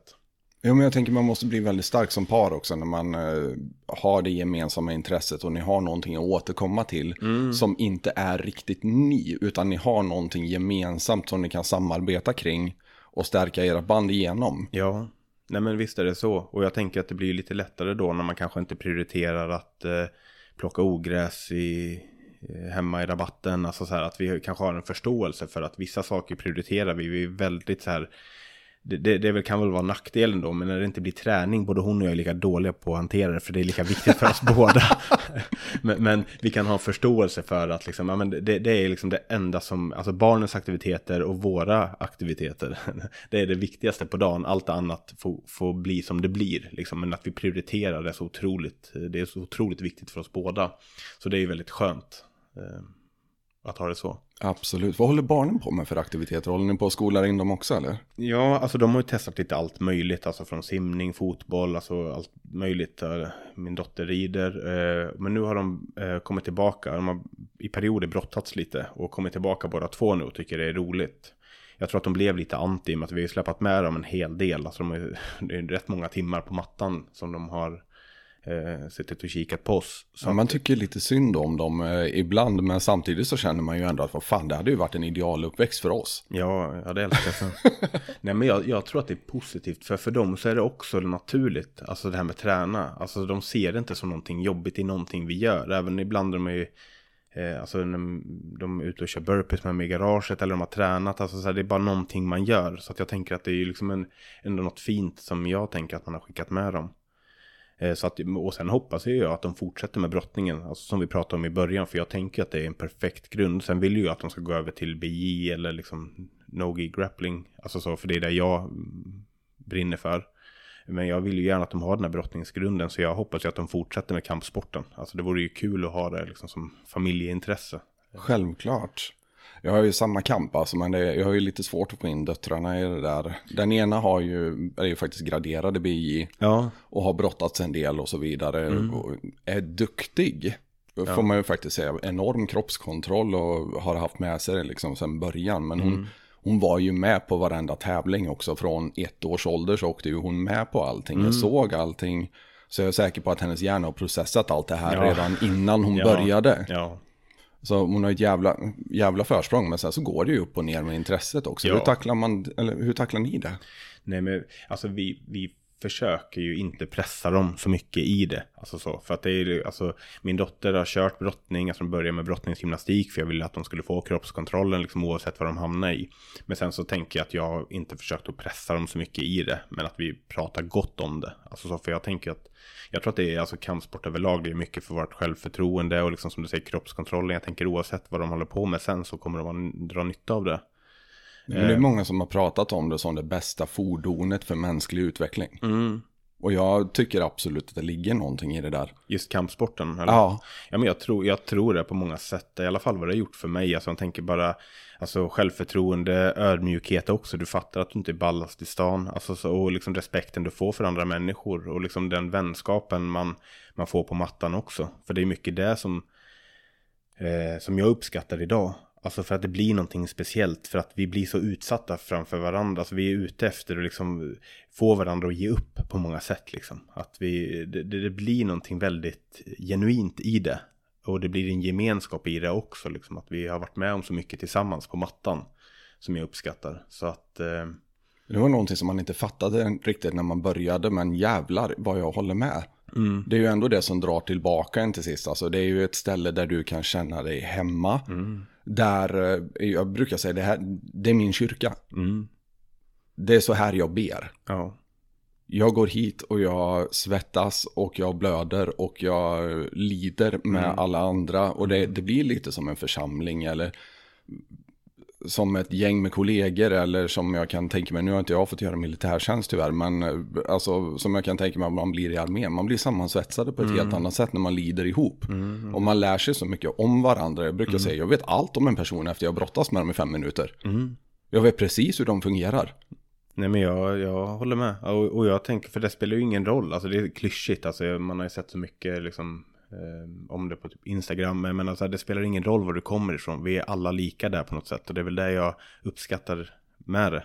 Jo men det är just det, alltså att man, man bedöms, helt plötsligt så har du ingen religion, Nej. du har ingen hudfärg, du har ingen bakgrund överhuvudtaget, utan du är det du levererar Ja. här på mattan nu. Ja. Och jag tycker det är, det är ett så jäkla härligt demokratiskt sätt att bedöma människor på också. Så att eh, ja, men du bedöms utefter din arbetsinsats, punkt. Ja. Ja precis. Alltså, Sen om du är bra eller dålig, det Nej. spelar egentligen ingen roll. För att Bara du slit. får respekt för att du kliver in och sliter. mm. Nej men visst. Jag kanske har mest respekt för dem, ärligt talat. De, de här som man kör över på rutin. Eh, men som ler medan man kör över dem och bara njuter av att de faktiskt utvecklas. Och kommer tillbaka nästa gång och blir överkörda igen. För att, make no mistake, när man börjar med grappling eller kampsport överlag. Första året går du ut på att käka skit. Ja men ja, visst är det så. Och Du kommer få stryk av alla. Ja. Nej, och jag menar det är inte, det är inte speciellt jobbigt att gå in och vara tuffast i rummet och liksom dra ut alla. Det är inte det som är jobbigt, det är som du säger, det är den som liksom, det är en, vil, det är en viljestyrka i det. Att liksom bli utdragen och fortsätta kämpa, fortsätta försöka ta en bra position. Och slita, det, är det, det säger mycket om den, de personerna, tänker jag, så jag håller med dig. Och det är ju de som blir riktigt bra tävlande också. Jag menar, kolla på ett sånt exempel som George St. Pierre brukar jag ta upp. Som den perfekta stormen inom MMA. Alltså, du har en supertalang med en kroppskontroll utöver det vanliga. Vad fan, han tränade ju gymnastik på fritiden bara för att ja, men, fortsätta utveckla kroppskontrollen. Ja, för han gjorde det under tiden också, va? och även efter. Alltså, Ja. Han, ja, Och tränar väl fortfarande tre gånger om dagen tror jag. ja. Har aldrig några vilodagar överhuvudtaget. Nej, Och det är imponerande. Absolut, men då blir det lite den här perfekta stormen. Han har supertalang, han har huvudet med sig, han är väldigt intelligent i hur han behandlar det. Han har alltid en plan för allting som han följer till punkt och pricka oavsett vad som händer. Och han har arbetsmoralen. Det är ju där någonstans som du skapar ett monster. Mm. Och måste jag välja så tar jag arbetsmoral före talang alla dagar i veckan. Mm. Precis alla jävla dagar i veckan. För att Talangen tar det bara så långt. Ja. Många är uttråkade, de kommer in och de äger ganska hårt i början mot andra nybörjare bara för att de har det fysiska med sig och för att de har en viss talang för det och faktiskt kan se. Men sen när det blir tufft för dem, när de andra börjar komma ikapp, då slutar de istället. Och jag tänker på det du sa också, att det blir överförbart. Att man tar med sig det här slitet in i andra områden i livet också. Det tänker jag, det är väl det arbetsmoralen gör där också. Absolut. Att det blir överförbart. Ja, ja, verkligen. Och om du har lärt dig att käka skit eh, där så kan du käka skit någon annanstans tills du blir bra på det. Mm. Men precis, bara inte ge upp, bara fortsätt komma dit, fortsätt och slit. Ja, exakt. Och det, det lägger en sån underbar blueprint för allt annat i livet. För att allt annat funkar precis likadant. Ja. Vad du än väljer och ger dig in på, om du bara fortsätter komma dit varje dag med en vilja att lära dig och faktiskt slita, så kommer du bli bra på det. Eller hur? Mm. Ja, de är. Så det är väl egentligen, alltså det är väl det som är det största jag har tagit med mig från kampsporten. Att jag, jag får en metod att bli bra på någonting. Mm. Ja, man förväntar sig inte att saker ska gå lätt. Nej, För det är väl lite det som blir felet då. Så- För det tänker jag speciellt nu. Nu kanske jag eh, behandlar alla lika. Men jag tänker liksom generationer idag. Liksom så, jag försöker rikta in dig lite mer mot micken. eh, så, ja, nej men eh, så fort det blir jobbigt så, så slutar man. Då byter man. Då gör man någonting annat istället liksom. Jo, men och förväntar precis. sig att saker ska komma gratis. Och det kommer inte gratis. Eh, ofta. För de flesta Någonsin. i alla fall. Nej. Nej, men alltså visst fan kan man vara en av de eh, tursamma som har fötts under väldigt bra förhållanden. Det har ju absolut vi gjort. Jag menar, vi hamnar i Sverige. Mm, ja. Så, så sett så är vi ju topp 1% världen, säkerligen.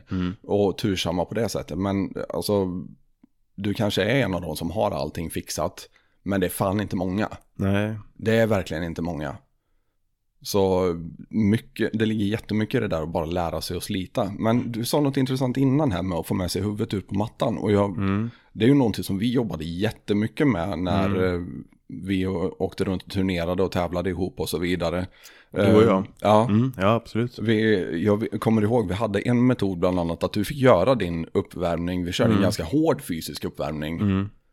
Och sen göra det vanligare, vet, gå på toa, se till så att allting är i ordning. Och så gå och lägga dig en stund innan matchen. Mm. Det var jättehjälpsamt för mig. Det var det, men vad, vad har du för metoder idag? Och vad har du själv för metoder för Anna till exempel när du är ute och coachar? För att få med hennes huvud ut.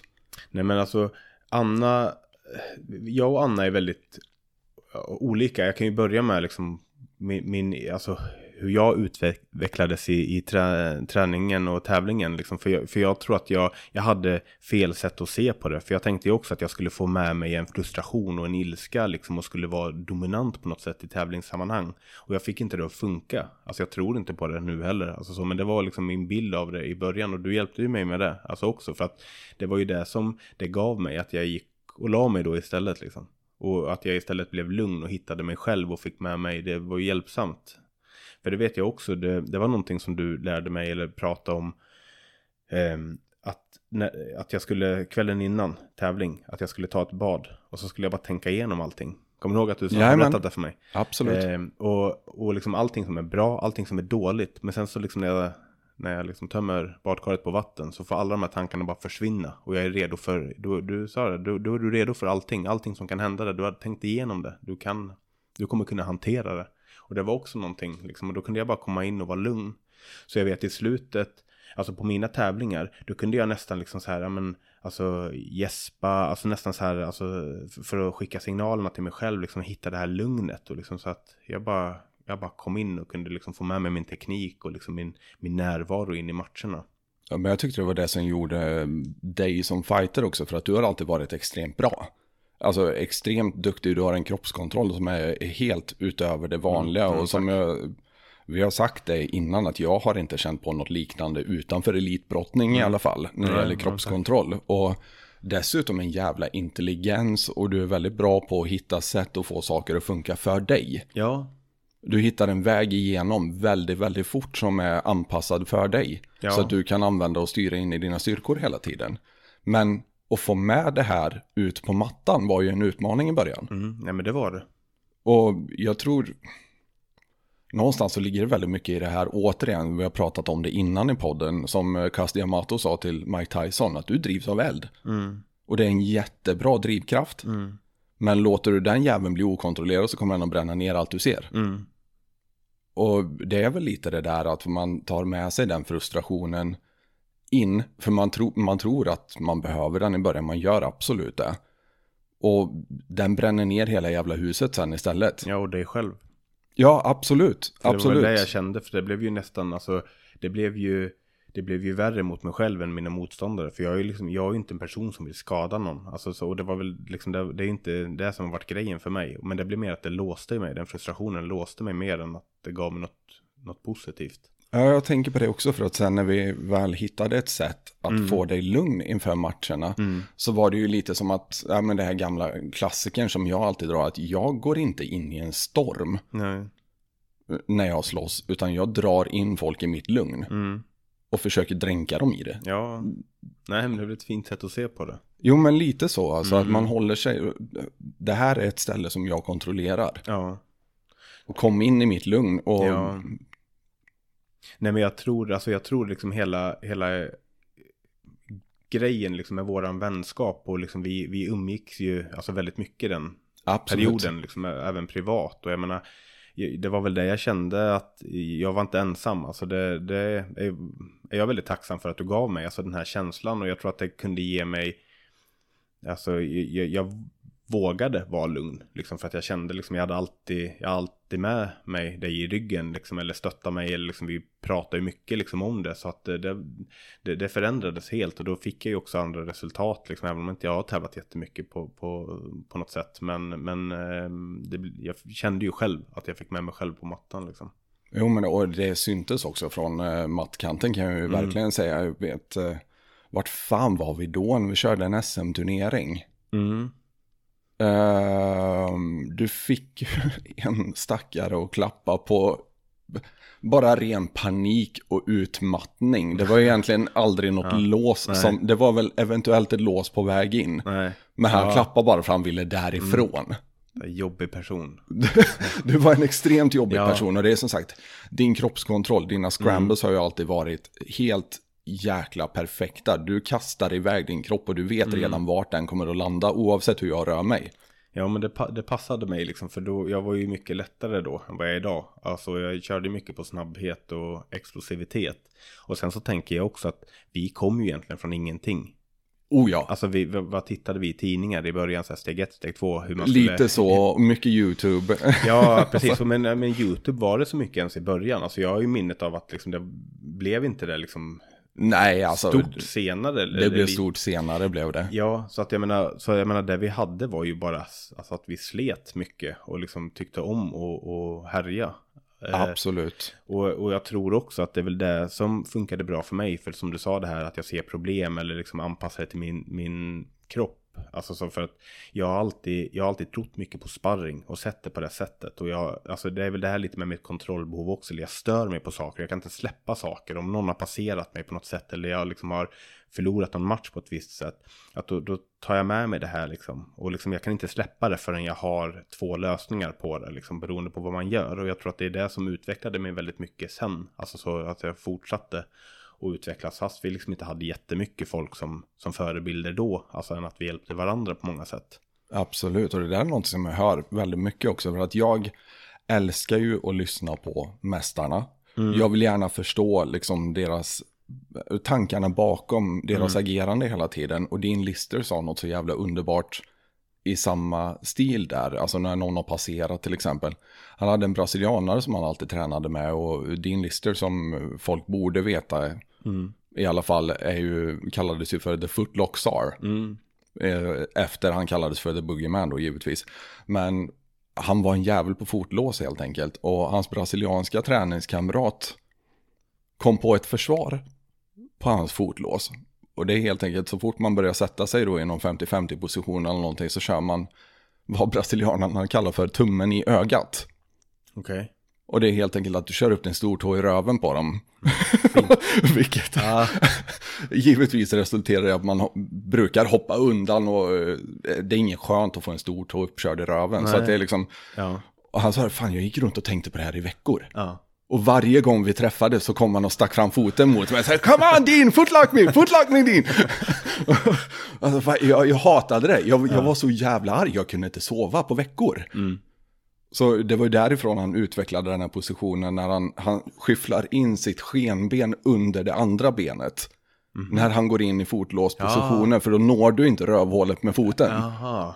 Så det var därifrån han Ja. utvecklade det och Ja. Mm. började lägga till lårsqueezen också då på det benet som du attackerar. Ja, det visste jag inte. Ja. Så, men det är jävla kul att få historierna bakom Ja. liksom, för att han utvecklade ju ändå en helt fantastisk position. Och det är väl han som ligger bakom 50-50 också om inte jag har ja, men han var tidig. Jag, jag vet inte om han var först, men han var ju en av absolut eh, de tidiga. för- med Mm. att adoptera det. Fast han kallade det då eh, 90-10 eller vad fan han kallade det för. För han sa det är 90% chans att jag eh, heelhookar dig när vi hamnar i den positionen. Så det är inget 50-50 med det överhuvudtaget. Men det, Nej. det är jävligt intressant att höra vägen till, till liksom hur folk jobbar. Ja. Nej, och jag tror liksom det blir ju ett väldigt tacksamt sätt att se på det. För jag tänker vi är alla olika. Anna till exempel, hon och jag är som natt och dag i hur vi lär oss. För hon är ju väldigt så här, fokuserad på detaljer. Medan jag fokuserar mer på problem. Eller liksom så och, och Ja men du tänker lite mer kring koncept va? Ja, exakt. Det Mm. är helt klart. Eh, och, så att det, och det kan ju bli en krock där. Alltså för jag tror att många kan bli frustrerade på när jag ska lära ut och instruera. För att jag, jag ser ju mer på det sättet. Men du är också van vid att din kropp agerar väldigt naturligt i de situationerna när du tänker kring problem. Det är väl Mm. Ja. så du har fått, eller funkar inlärningsmässigt tänker jag. Ja, nej men så är det. Absolut. Och det har ju varit en utmaning när jag började alltså, instruera mer också. Och givande för den också. Att jag fick bryta ner saker som jag inte tänker så mycket på och bara gör och har gjort i många, många år. Men jag liksom får fundera varför funkar det här för mig? Alltså vad är det som gör att jag kan göra så här? Det där är så jävla underskattat. Och återigen, alltså en hyllning då till eh, bortgångna Valdo Zapata. Mm. För innan jag hade tränat med honom så hade jag aldrig tränat med någon som faktiskt bara kunde säga någonting som gick rakt in i hjärnan på dig och kroppen förstår det direkt. Mm. Men det är ju det som är utmaningen när man coachar, tänker jag. Det är så jävla svårt att hitta alla språk. Hur får jag den här personen att förstå? Hur förmedlar jag vad min kropp gör? Mm. Till en person som inte har gjort det innan eller som har en helt annan bakgrund. Anna till exempel kommer ju från ridning. Mm. Och vi började ju väldigt tidigt med att styra in i hennes starka ben liksom. Mm. Och, men få försöka förmedla det till någon som inte har strypt människor med benen innan. Nej. Det är en utmaning. Ja, Hur det. tacklar du den? Nej men jag är nog inte jättebra på det egentligen. Alltså det är väl därför jag tror att jag föredrar ju, eller jag föredrar att hålla avancerade pass liksom. För att jag tänker att det finns folk som är bättre på att lära nybörjare. Ja, för de det är ju det svåra. Ja, ja, jag tycker det. För mig är det liksom en svårighet. Och det, jag tror att det är också utifrån hur jag är skolad. Att jag är skolad mycket liksom med att lära mig att förstå det själv. För att vi hade liksom inte de här, någon som har varit svartbälte i tio år och liksom kunna hjälpa och bryta ner. Så att jag fick förstå det själv. Och, och jag tror inte alltid att jag medvetande gjorde allting jag gjorde. Alltså att det var bara någonting som, liksom, som blev logiskt för mig utifrån liksom, motståndarens vart de har kroppen, balanspunkter och sådana saker som jag sen har fått bryta ner. Och jag tänker fortfarande det är en, en svaghet jag har som instruktör. Eh, att, eh, eller jag, för- det märker ju varje gång jag liksom går igenom och liksom folk hjälper mig med att ställa bra frågor och sånt så får jag ju bryta ner och fundera mer på det och, liksom, det- och det gillar jag. Och jag har liksom lärt mig att gilla det mer. För det blir så givande för min egen skull också. Och jag blir bättre på att förklara det när folk liksom problematiserar. För det är så jag gillar att, att se på det. Ja, men det är ju det som är lite av det sjuka för att jag märker också på väldigt många när de börjar instruera. De behöver inte öka träningsdosen någonting, men bara faktumet att man börjar instruera och tänka igenom allting man gör, Mm. gör att du är bättre på nästa pass. Ja, Du kommer tillbaka nästa jävla pass och är 10% bättre för att du faktiskt har gått igenom mm. för dig själv och problematiserat som du säger vad eh, sakerna man stöter på. Mm. För det är så mycket man gör per automatik när man har kommit in i det ordentligt. som man aldrig överhuvudtaget funderar på. Nej, och då tänker jag för då, då, då agerar man ju bara på något sätt. Eh, eller reagerar kanske man säger. Alltså att man, det är bara någonting jag gör. Men det gör ju också att jag, jag kan ju liksom inte kanske vara den som inleder eh, attacken. Eller liksom eh, svepet eller vad det nu är. För att jag liksom, det, det, är mer undermedvetet på något sätt för mig. Så att jag, precis som du säger, jag tror att det har varit jättegivande. Att, att verkligen få bryta ner det och titta på det. Och sen så tror jag sen, jag har inte kört jättelänge i GI egentligen. Men det var ju också någonting som eh, hjälpte mig, alltså i och med att jag alltid har levt mycket på att jag har varit snabb och explosiv. Eh, när jag var tvungen att liksom sakta ner gamet eller folk saktade ner det till mig för att de håller fast mig i den här dräkten. Eh. Ja, det är största frustrationen i mitt liv kan ja, jag säga. Ja, samma här. Och köra GI. Ja, alltså, ibland jag kunde vara så irriterad på vägen hem från träningen i början. Alltså jag bara släpp mig. Alltså för jag har lite så här, det var värre när jag var yngre med så här klaustrofobi. Alltså jag ja. gillar inte när folk håller fast mig. Jag tror att det är bra motivation till att escapa för jag gillar inte när folk håller fast mig. Så jag fattar inte varför jag håller på med det här egentligen. Men då var det ju liksom så här gånger sju på något sätt när folk bara greppa min direkt och jag liksom förstod inte riktigt liksom, det mest effektiva sättet att hantera det här på. Ja men till att börja med så har du för fan två kvadratmeter greppyta över hela mm, kroppen helt plötsligt. Ja, alltså ja. Eh, bara, bara friktionen mm. som byxorna medför till exempel, eller dräkterna man ska försöka passera, bara friktionen är ja. en utmaning. Och sen har du dessutom folk med fan med hydraulik i händerna som tar tag i din dräkt. Ja, eller hur? Och det bryter ju inte hur Nej. fan som helst. Nej, den greppstyrkan är liksom något annat när man har tränat i GI i tio år. Oh, fucking hell alltså. Ja, och sen så, alltså det, det gav mig också liksom att man, man blir tajtare på ett annat sätt. För jag tror att du kommer undan med mer saker i Nogi för att du kan liksom så här bara slinka förbi på något sätt liksom. Men, men jag menar, du kan ju, även när du har tappat vissa kontrollpunkter, det finns alltid någonting som du säger, du kan alltid greppa i någonting, du kan alltid stiffarma någonting, bara du liksom får ett grepp någonstans så att det bygger så jäkla mycket mer på på att du är tight. Alltså i alla fall enligt eh, så som jag grapplades innan när jag började med gin. Så att det utvecklade mig, eh, det utvecklade mig väldigt mycket också. Och det gör ju också, det blir, det blir lättare att förstå vad som händer när det går långsamt. Eller så, det, det var så för mig i alla fall att det blev tydligare vad jag gjorde. Ja men allting blir ju långsamt eh, vare sig du vill eller inte så fort du börjar med GI. Och särskilt om du kommer från en no-GI bakgrund ja. som vi gör. Ja. Jag menar, jag, precis som du säger att du har kunnat lita på eh, din explosivitet och sånt. Jag har ju kunnat lita på min styrka hela mm. tiden. Ja. För att jag kan muskla mig ur det absolut mesta. Alltså, mm. Och mot eh, folk som är tyngre än mig också för det mesta. Men helt plötsligt så sitter jag fast i någon jävla 60 kilos människas mm. uh, handhydraulik. Mm. Och jag kan fan mig inte ta vägen någonstans. Alltså jag vill ju börja armbåga dem i ansiktet. ja, det är frustrerande. ja. Jag hatar det. Ja. Men hur fan, alltså för du är ju ändå, jag har ju identifierat dig som lite mer frustrerad än mig till och med i väldigt många situationer. Hur hanterade ja. du det i början?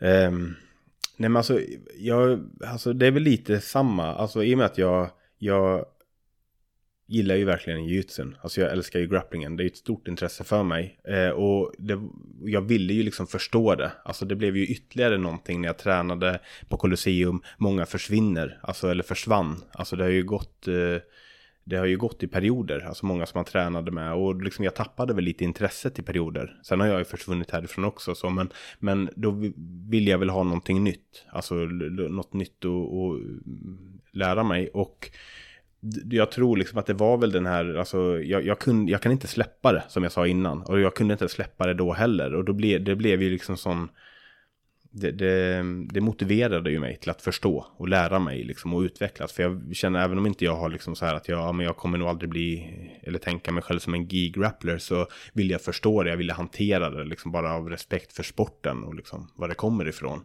Så att jag tror bara att jag använder den frustrationen när folk höll fast mig. Liksom, men jag behöver ju hantera det här på något sätt. Jag kan ju liksom inte bara jag kan inte bara skylla ifrån mig på olika saker. Så jag behöver ju lära mig att bryta grepp nu. Ja, visst nu fan, nu ska vi bli kontroversiella här. För att nu kommer jag, alltså det där med att respektera traditioner och sånt är ju någonting som för det mesta hör till traditionell kampsport. Mm. Och många har ju diskuterat det här med gi versus no gi för att egentligen så att man började ha en gi på sig från början i kampsport det var ju för att emulera de kläderna som man hade på sig vardagligt. Mm. Så man skulle ha en realistisk träning med kläder som inte går sönder. Det var därför man hade gin istället. För den liknade liksom kläderna som man gick runt i. Ja. Nu är det ju fan ingen som går runt i något liknande längre. Hur, hur tänker man att realismen överförs? Eller är det mer, alltså när man tävlar, tränar i GI, är det mer att man försöker eh, ja, men hedra traditionen som sagt än något annat? Eller tänker man fortfarande att det är realistiskt? Eh, För min del, eh, eller tänker du? Nej, men jag tänker överlag för att det är Ja. ju den diskussionen som går hela tiden. Ja, att om men- man nu ska vara riktigt grinig så borde vi uppfinna t-shirtar och jeans som inte går sönder så lätt att träna i. Nej. Ifall vi ska följa Nej. samma tankesätt då. Ja, nej men jag, jag har nog inte riktigt sett det på det sättet och jag är ju av den uppfattningen, för många tänker ju att man måste träna GI om man ska bli duktig grappler även i MMA, men det, jag tror Jag ju... håller inte med. Nej, inte jag heller. Överhuvudtaget. Alltså, nej, nej, men samma här, för jag tror ju att du ska träna på det du behöver bli bättre på, det blir inte realistiskt. Alltså, så, sen så tänker jag att vill du bara bli en bättre grappler, alltså så tvingas du, som jag sa innan, till att du behöver vara tight, du behöver hantera vissa saker. Jag tänker att det är utvecklande för det är no i grappler, eh, grappling också. Men jag tror inte att det är det mest effektiva sättet att förvalta din tid på. Att ta på dig en gi och träna i den om du vill bli bättre i MMA exempelvis. Så för mig handlar det nog mer liksom mycket om tradition, att jag ville förstå det. Och liksom kanske lite ur självförsvarsaspekt också. Alltså man tar en jacka så att jag ville bli bättre på att hantera den då. Men, som, Ja men en vinterjacka är ju ändå, liknar ju en gi lite. Ja. Eller en skinnjacka. Ja. Eller liksom, ja. Men, så, men för, för min del så var det nog också, alltså jag, vill, jag ville bara förstå det och liksom, och sen så var det ju så, jag har jättestor respekt för Gracie Barra och de tränarna och eh, där, så att det blev ju en gemenskap som jag liksom uppskattar lika mycket. Alltså så, så att det var, jag vill, det, det var, då, då, de är ju liksom, ja men som du säger, liksom, lika stora nördar som vi är och liksom har lagt ner så mycket tid på GI och förståelsen och, och liksom hur utvecklande det har varit att diskutera tekniker. Jag kommer från en no-GI-bakgrund och de, det finns ju vissa som har bakgrund i brottning men kört mycket GI, men alltså det har varit jättevärdefullt liksom att få, få, få träna med dem så mycket som jag har gjort. Så att, eh, Jo men självklart, ja, och jag, jag förstår det.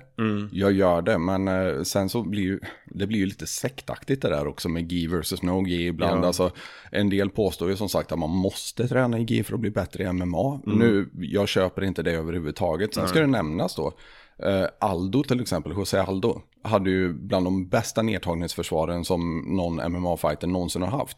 Och han säger ju att det är för att han tränade mycket i en gi-överdel och lät folk försöka hålla ner honom. Så det är därför han kan ställa sig upp så pass bra, Jaha, för att han okej. brukar göra det medan folk håller i hans gi. ja, just det. Ja. Så alltså, jättebra träningsverktyg om man styr det. Men jag ser inte riktigt fördelen med att vara 30-40% långsammare. Som man blir när man tar på sig gin Nej. i MMA. Nej, men det, det tror inte jag heller. Och sen så tänker jag att jag, jag tror att, alltså det ser vi ju lite på liksom hur många som tittar på Nogi-tävlingar mot BJ-tävlingar. Alltså jag tänker ju att Nogi är ju mer populärt. Jag tycker att det är roligare att titta på. Även om jag liksom har grottat ner mig i gin också och liksom uppskattar det. Eh, jag uppskattar ju gi-grappling också. Men, men jag tror ju liksom att framtiden, mm, alltså det, jag tror att det är Nogi på många sätt. Det, det tror jag. Sen så så ehm, hoppas väl jag ändå att gin ska vara kvar. Men det är ju liksom, det är ju, för mig är det ju ändå i slutändan sport just nu. Alltså det är olika grenar. ja men det är två olika saker. Ja. Helt och hållet. Ja, och så jag menar liksom, eh, sen kanske inte det är det mest eh, nödvändiga i självförsvars eh, aspekt och speciellt inte hur gin har utvecklats med att du kör mycket spider guard och trasslar in din fot 300 varv i, i gin. Alltså så här, jag tänker att det inte är jättevettigt att göra på stan om du blir överfallen för du kommer bli sönderslagen. Alltså Ja, så ja. jag tänker att det har ju, det, det, det har ju mer utvecklats liksom enligt idrott ifrån självförsvar på många sätt. Alltså, Ja, men jag tror Hickson Gracie uttryckte lite oro kring det där för några år sedan. Att han tycker Mm. att gi-jujutsu har kommit så långt ifrån ursprunget som ändå var självförsvar. ja, Att man numera satsar mer på alltså väldigt gi-specifika och nördiga moves ja. I tävling och inte riktigt tänker på vart man positionerar sig. Att man faktiskt kan bli sönderslagen. Nej men jag håller med. Eh, Men, men sen är det ju där det är effektivt, alltså där de gör. I, tävlingssammanhang, men det är ju för att du får inte slåss. Det skulle aldrig liksom förekomma om du fick slåss. Nej. Du fick slå därifrån liksom. Men jag, men jag stör mig på det lite också. Det är väl därför, alltså många som jag tränar med tycker förmodligen inte så bra om mig. Alltså för att... nej men för att... Jag gör det inte. jag menar det. Nej men för att jag, jag tycker att för mig är det ändå liksom det ska vara effektivt. Alltså jag, jag tror på mycket saker och lär ut saker och gör saker som inte är schysst. Jag håller för munnen och näsan för du ska, jag tycker att man ska hantera det. Vi ska använda oss av de verktygen vi har. Jag drar rear naked chokes över hakan. Alltså för att vi ska... Ja, men samma här. Ja, men för att Ja. man, man ska kunna, liksom vi ska göra det som är mest effektivt, liksom på något sätt. Så att det är väl lite där jag inte kanske tycker om så mycket med gin då, att du liksom inte får reapa. Alltså du får inte göra vissa saker, du får inte heelhooka. För jag tycker att liksom, nej men du ska kunna göra det som är mest effektivt och vi behöver hantera det och lära oss hantera det. Det var exakt det jag tänkte också. Alltså man, man använder reglementet på ett sätt som gör att man inte måste hantera realistiska hot. Nej. Nej. Och det tycker jag är jättetråkigt. Jag tycker det är precis samma sak i thaiboxning egentligen med clinchen. Att man inte får koppla ihop händerna bakom ryggen. Mm.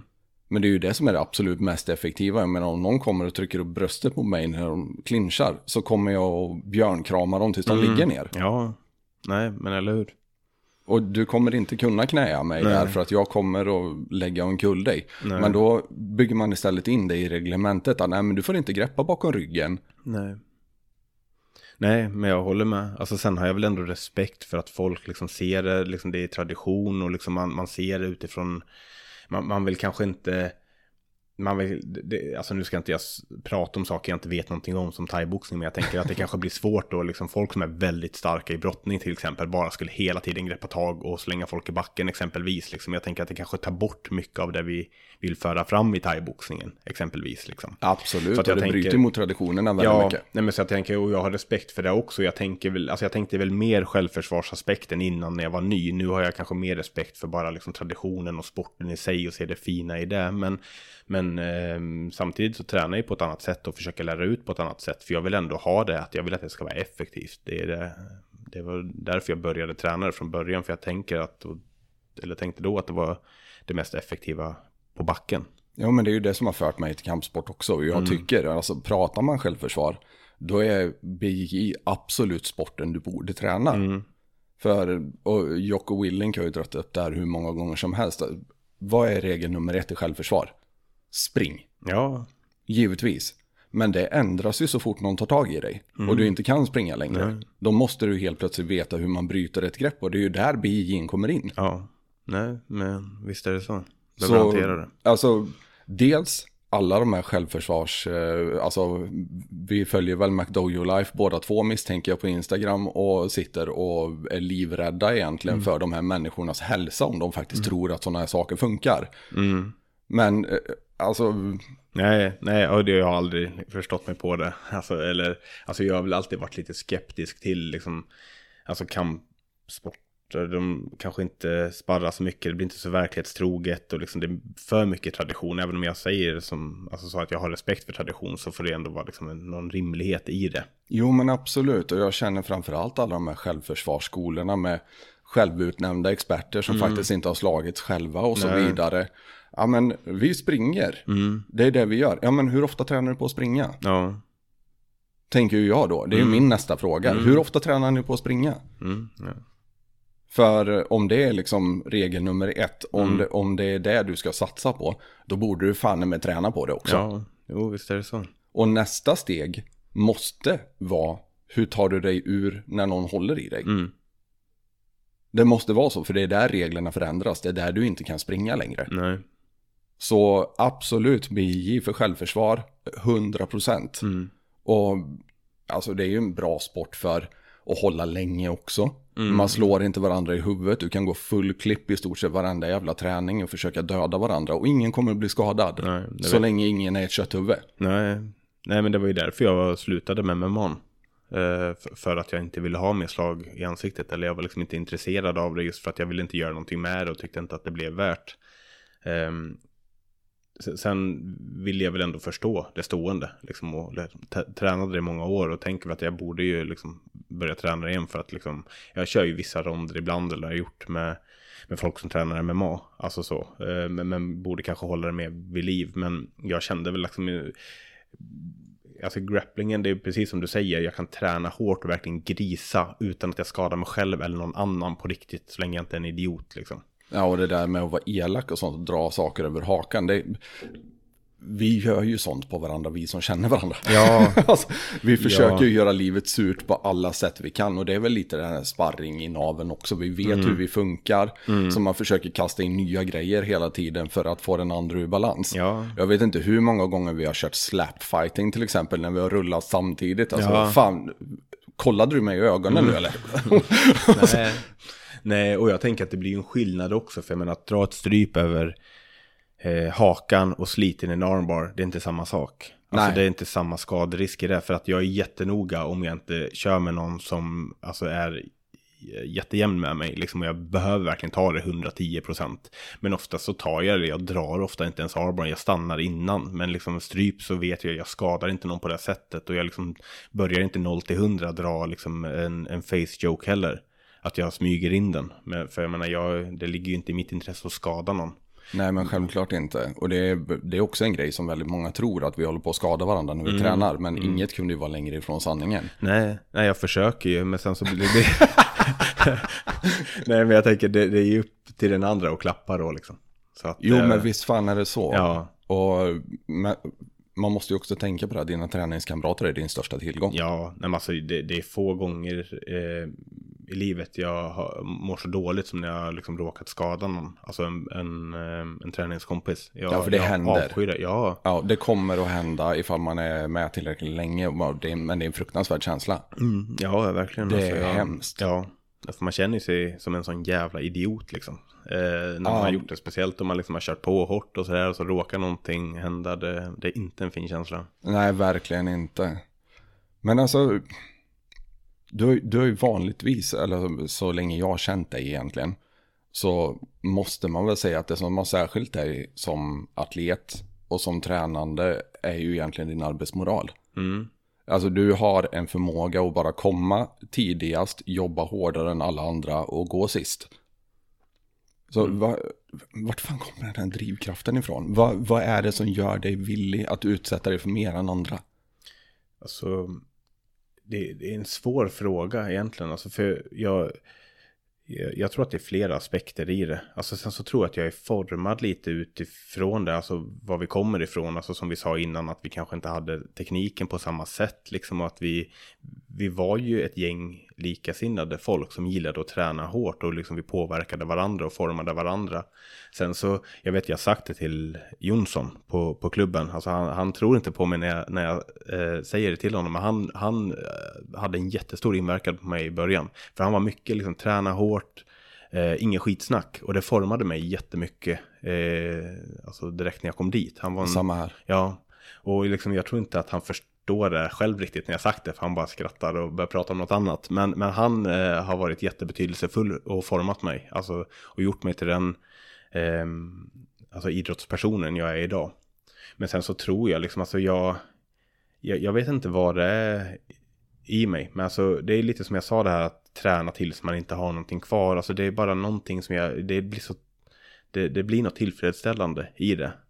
Eh, och jag tror liksom att grapplingen, men som vi pratade om innan, att det, det passar mig så bra då för att jag kan kriga på. Jag kan göra det liksom utan att det, det blir farligt på något sätt. Eh, så eh, jag tror med att jag, jag, har gillat, jag har gillat känslan av det. Att ta slut liksom. Och liksom, ja, men som vi pratade om mm, alltså innan den här känslan av tillfredsställelse efter. Liksom, att då kan jag liksom, allting man har haft i sig, liksom, det är tomt sen. Det, Vakuumet ja. ja, Ja, jag, jag älskar det och jag lever för det också. Ja. Men jag tror för min egen del, alltså, jag är väl villig att utsätta mig själv för ganska mycket också. eh, Får jag känslan av vad folk tycker. ja, Och det kommer väl någonstans för min del också lite ur en självbild. mm, Alltså, jag blir någon hundradels procent mindre bitch varje gång jag utsätter mig själv för hemska grejer. ja, När jag är ute och springer i 10 minus utan kläder liksom, så känner jag verkligen att ja, men jag blir lite mindre bitch när jag Ja. kommer hem. Alltså.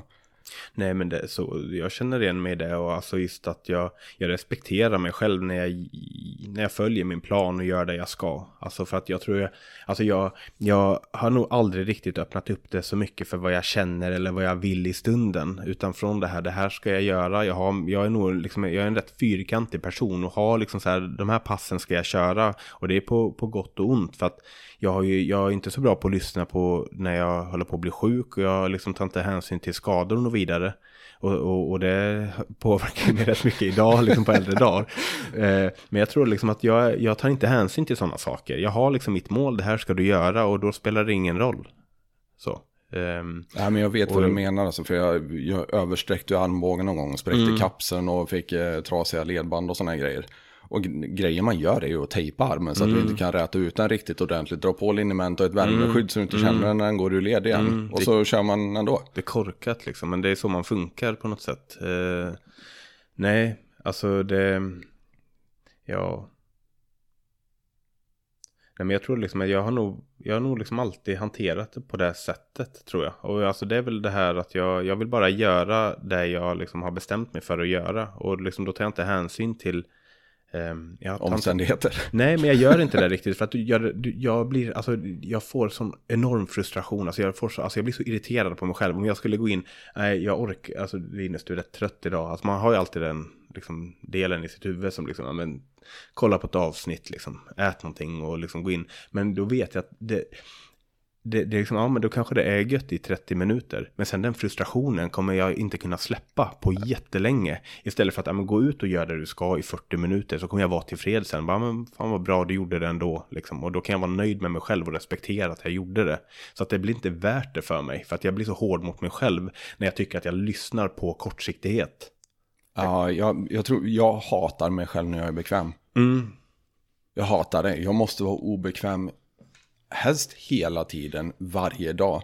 Och jag hittar ju nya sätt att accelerera det här hela tiden. Precis som vi snackade om med att springa utan kläder ute på vintern eller Alltså vad fan det nu är, hoppa i en isvak eller och, jag duschar ju kallt till och med. Bara för att aldrig vara bekväm. Jag sover på en spikmatta. Eh, Alltså Gör du det varje natt? varje natt. Ja. Ja, jag somnar alltid på den i alla fall. Sen brukar jag vakna efter några timmar och ta bort den. Men Ja. alltså, ja, för Ja. Till sist så gör det ju lite ont. Så då brukar man vakna av det. Men Men, men, ha, men jag tänker att du har ju ändå en tanke av att det ska göra dig bättre. Alltså på något sätt att, eller? ja, men visst fan är det så. Ja, för så, så är det för mig i alla fall. För jag menar, jag kan tillåta mig själv att ta en, en, eh, en vilodag, en extra vilodag. Om jag tänker att det här är en del av att förbättra mig på sikt. Om jag är övertygad om att det kommer förbättra mig på sikt och att det inte bara är att jag är trött och lat idag. För det kan jag inte respektera. Men om jag verkligen tror på riktigt att det här kommer göra mig bättre.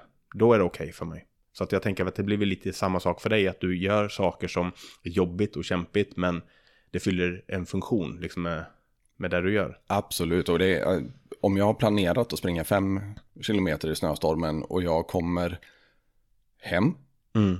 och känner att eh, nej men fan jag är fortfarande bitchig alltså. Jag försöker fortfarande vara bekväm. Men då kör vi fem till. Mm. Det, det är bara så. Ja. Alltså, nu, nu får vi livet att suga på Ja. riktigt för att du inte har kommit ur bekvämlighetszonen. Nej, men härlig inställning. För att det kan ju vara rätt frustrerande det här när man känner att man när man har tagit det lite lugnt. Eller, för det är lite det jag menar också, den här känslan av att ha lite kvar. Jag kunde gjort lite bättre. Hatar det. Det är inte en fin känsla att ha. Nej, och det är ju därför jag säger till alla också när vi coachar dem inför matcher och sånt. Att lämna allting här inne nu. Mm. Gå för fan in och gå all out direkt. Satsa på att ta slut. Ja. Nej, För alltså, ni vill inte känna när ni åker hem, om ni har förlorat ett tight decision till exempel. Fan, jag har ju energi kvar. nej. Nej, men jag håller med. Ja, det blir en, en helt annan frustration. Även om man torskar, liksom oavsett. Så liksom, jag gjorde i alla fall vad jag kunde den dagen. Jag hade inte mer idag. Nej, precis. Och det, jag kan inte, precis, det, det är nog självbildsrelaterat därför jag kan inte respektera mig själv ifall jag eh, har energi kvar när jag åker hem. Nej. Jag kan inte det, utan då har jag inte gjort allt jag kan. Nej, precis. Och det, jag tror att det är därför det, det motiverar nog mig också till att träna hårdare. För att då får jag inte riktigt samma känsla av tillfredsställelse eller att jag blir tillfreds. För att då blir det den här irritationen. Liksom för att jag ifrågasätter mig varför. Varför liksom jag tog det lugnt. Varför jag inte maxade liksom. Um, nej, så att det blir nog också en drivkraft i att liksom försöka ta ut sig tror jag. Jo, framförallt när man var yngre. Ja, mycket av min träning är ju gjord på frustration och ilska. För att vara ärlig, jag har väl haft någon, eh, något litet hat mot världen som jag har känt varit tvungen att ta vägen någonstans. Och det är ju en fantastisk drivkraft. Ja, Eh, Kortsiktigt ja. så är det en jättebra drivkraft och sen måste man hitta andra strategier när man blir äldre för att det är fan inte hållbart att rulla på det sättet. Nej, nej och kanske inte så, så givande för oss. Tänker jag, eller för jag har ju också känt alltså, en enorm ilska och frustration i tidigare i livet. Men jag känner väl liksom att jag har släppt taget om, om mycket av de känslorna eller det sättet att se på saker. Men känner du så idag också när du tränar? Alltså att du drivs av en frustration? Ja, Det gör jag väl. Alltså det, det har ju alltid varit ett sätt för mig att jobba ut frustrationer Ja. Eh, som uppstår i det vardagliga livet. Nu, Jag har ju alltid haft svårt att passa in, mm. enligt mig själv i alla fall. Jag analyserar mig själv väldigt mycket. Jag har en recensent i huvudet som sitter och berättar varenda fel jag okej. någonsin har gjort för mig varje kväll när jag ska sova. Så att det... Och har jag tränat riktigt ordentligt så är recensenten lite nöjdare. Ja, helt okej. enkelt.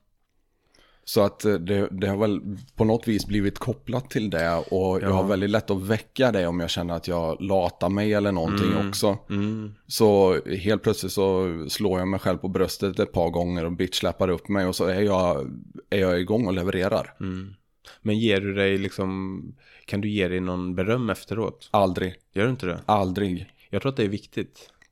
Eller? Jag tror det också, jag har bara inte hittat dit. Nej. Jag vill kunna göra det, jag vill verkligen vara den personen som Mm. liksom kan tänka när jag kommer hem, fan nu, nu är jag nöjd. Mm. Men någonstans så är det bara vad jag förväntar mig av mig själv. Ja. Ja, och jag, alltså jag tänker att på, på sikt så tror jag att det kan, liksom, kan dra ner oss mer än liksom att föra oss i, i en bättre riktning. För jag, jag, alltså det var väl lite som när du frågade om jag ville komma hit från början. Alltså så jag kanske inte var jättesugen i början just för att jag är väl av den, alltså jag slutade lyssna på mina egna tankar. För jag har ju känt igen mig, jag känner igen mig mycket i det du säger och slutat lyssna på mig själv. Vad fan ska någon annan lyssna på vad jag säger då? För liksom det, det var det bästa jag har gjort för mig själv. Nej men kanske för att eh, du faktiskt har hittat en väg till att sluta lyssna. Ja. Ja, kanske. Jag, jag vet inte. Jag tror det är en viktig lärdom att ge människor. Så att, eh, och jag tror du är fylld av sådana viktiga lärdomar ärligt talat. Ja, jag vet inte. Alltså för mig blir det meningsfullt i alla fall. Eller alltså jag, jag kände att eh, alltså all det här självkritiken och sånt. Jag tänker att alltså jag, jag, det drev mig mycket i början. Att jag, jag, och jag kan fortfarande vara väldigt självkritisk. Men jag försöker ändå göra det till någonting eh, som, som, ja, men som utvecklar mig och inte drar ner mig för mycket. Men att jag, det är väl lite det här att jag inte kunde acceptera vissa saker och ville jobba igenom och förstå så. För jag blev så fruktansvärt självkritisk då om det jag, eh, när jag blev passerad eller utdragen eller så här och kunde inte släppa det. Så det blev ju en jättestor drivkraft för mig också. Men samtidigt så tänker jag att det, det finns ju någonting mörkt i det också. Alltså Det är så- enormt mörkt. Ja, så, som jag kände liksom det här, blir, det, här, det här blir inte så meningsfullt för mig. Alltså så. Så att jag försökte då liksom att sluta lyssna på den här eh, rösten i mig. För jag kände att jag behöver liksom inte det riktigt som drivkraft ändå. Alltså så för att jag, jag har ju ändå på något sätt en förmåga att hålla i. Alltså min träning eller göra det jag ska på något sätt utan att eh, sätta mig i soffan. Så att jag ja, försökte hitta andra vägar men det, det är inte lätt. Ja men det känns ändå som att du har hittat det och det, det ligger en enorm styrka i det där. För att det är inte lätt att byta bränsle. Nej, Det är fan inte lätt. Kolla på debatten som är idag med bränslebilar kontra Mm, elbilar. ja, liksom. nej. Och helt plötsligt ska man byta bränsle i sig själv. Alltså jag, jag har jättesvårt för det där. Ja men det är nog svårt och jag tror liksom att det är väl sådana saker som gör att folk liksom, ja men slutar träna eller liksom blir bekväma som du säger och liksom eh, lyssnar ständigt på vad man vill göra just nu. Inte vad som är bra för mig utan vad jag vill göra just nu. För att man liksom slutar och liksom eh, använda sig av det här bränslet. Men jag tror väl det på liksom inte sluta lyssna på det utan att kanske hitta något annat sätt att hantera det på. Liksom. Men, men ändå fortsätta vara den man är eller vill vara.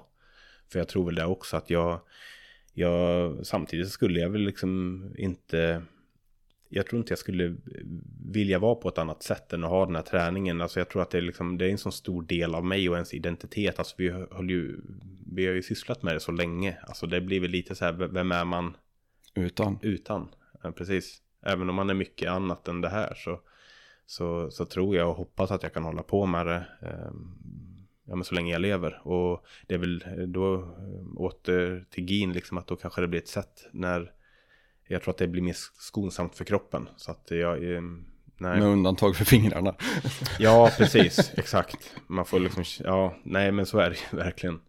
Jo, men jag, jag köper det där och eh, någonstans så är det väl ändå det vi vill allihopa. Att man kan hålla på med det här livet ut. För Mm. vad fan är vi utan ärligt talat? Nej, Det är någonting som har varit eh, sex timmar av alla våra dagar så länge. Ja. Ja, och liksom någonting som, är, som vi har pratat om mycket nu, men som är så genuint. I, någon, alltså i en värld som är rätt ytlig. Alltså så här, det, det kanske blir... löjligt. Men, men jag, Nej, kan, jag, kan, jag är med dig. nej, men jag kan känna så, det blir så äkta. Alltså det som, som när, när vi brottas eller tränar kampsport liksom. Så att jag, jag, jag, skulle jag inte ha det så behöver jag någonting annat som är lika genuint och äkta för mig. För att det är så mycket som är ointressant i livet tycker jag. Alltså jag har ju alltid varit rätt fyrkantig och haft ganska klart för mig vad jag har velat och vad som har varit meningsfullt för mig. Så att jag skulle, jag, jag behöver det på något sätt. Jag, jag är nog inte riktigt den här kaffe, prata om väder, vädret människan liksom. Jag skulle inte vara så tillfreds med det livet liksom. Jag, jag vill ha någonting annat. Ja, men jag förstår precis vad du menar och det är ju lite där, alltså alla mina intressen ser ju ut så också. Det är väldigt, det är lite adrenalinfyllda, eh, lite halvfarliga grejer. Men som är väldigt äkta. Ja. Som är extremt äkta, så som tar dig till extrema känslolägen där du inte kan fejka längre.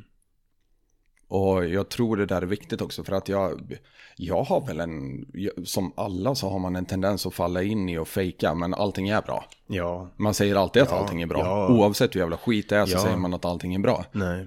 Nej och, men, men alltså det här håller mig äkta på något vis. nej. Precis som jakten håller mig äkta, precis som eh, alltså greppa mitt föräldraansvar Mm. hundraprocentigt håller mig äkta liksom.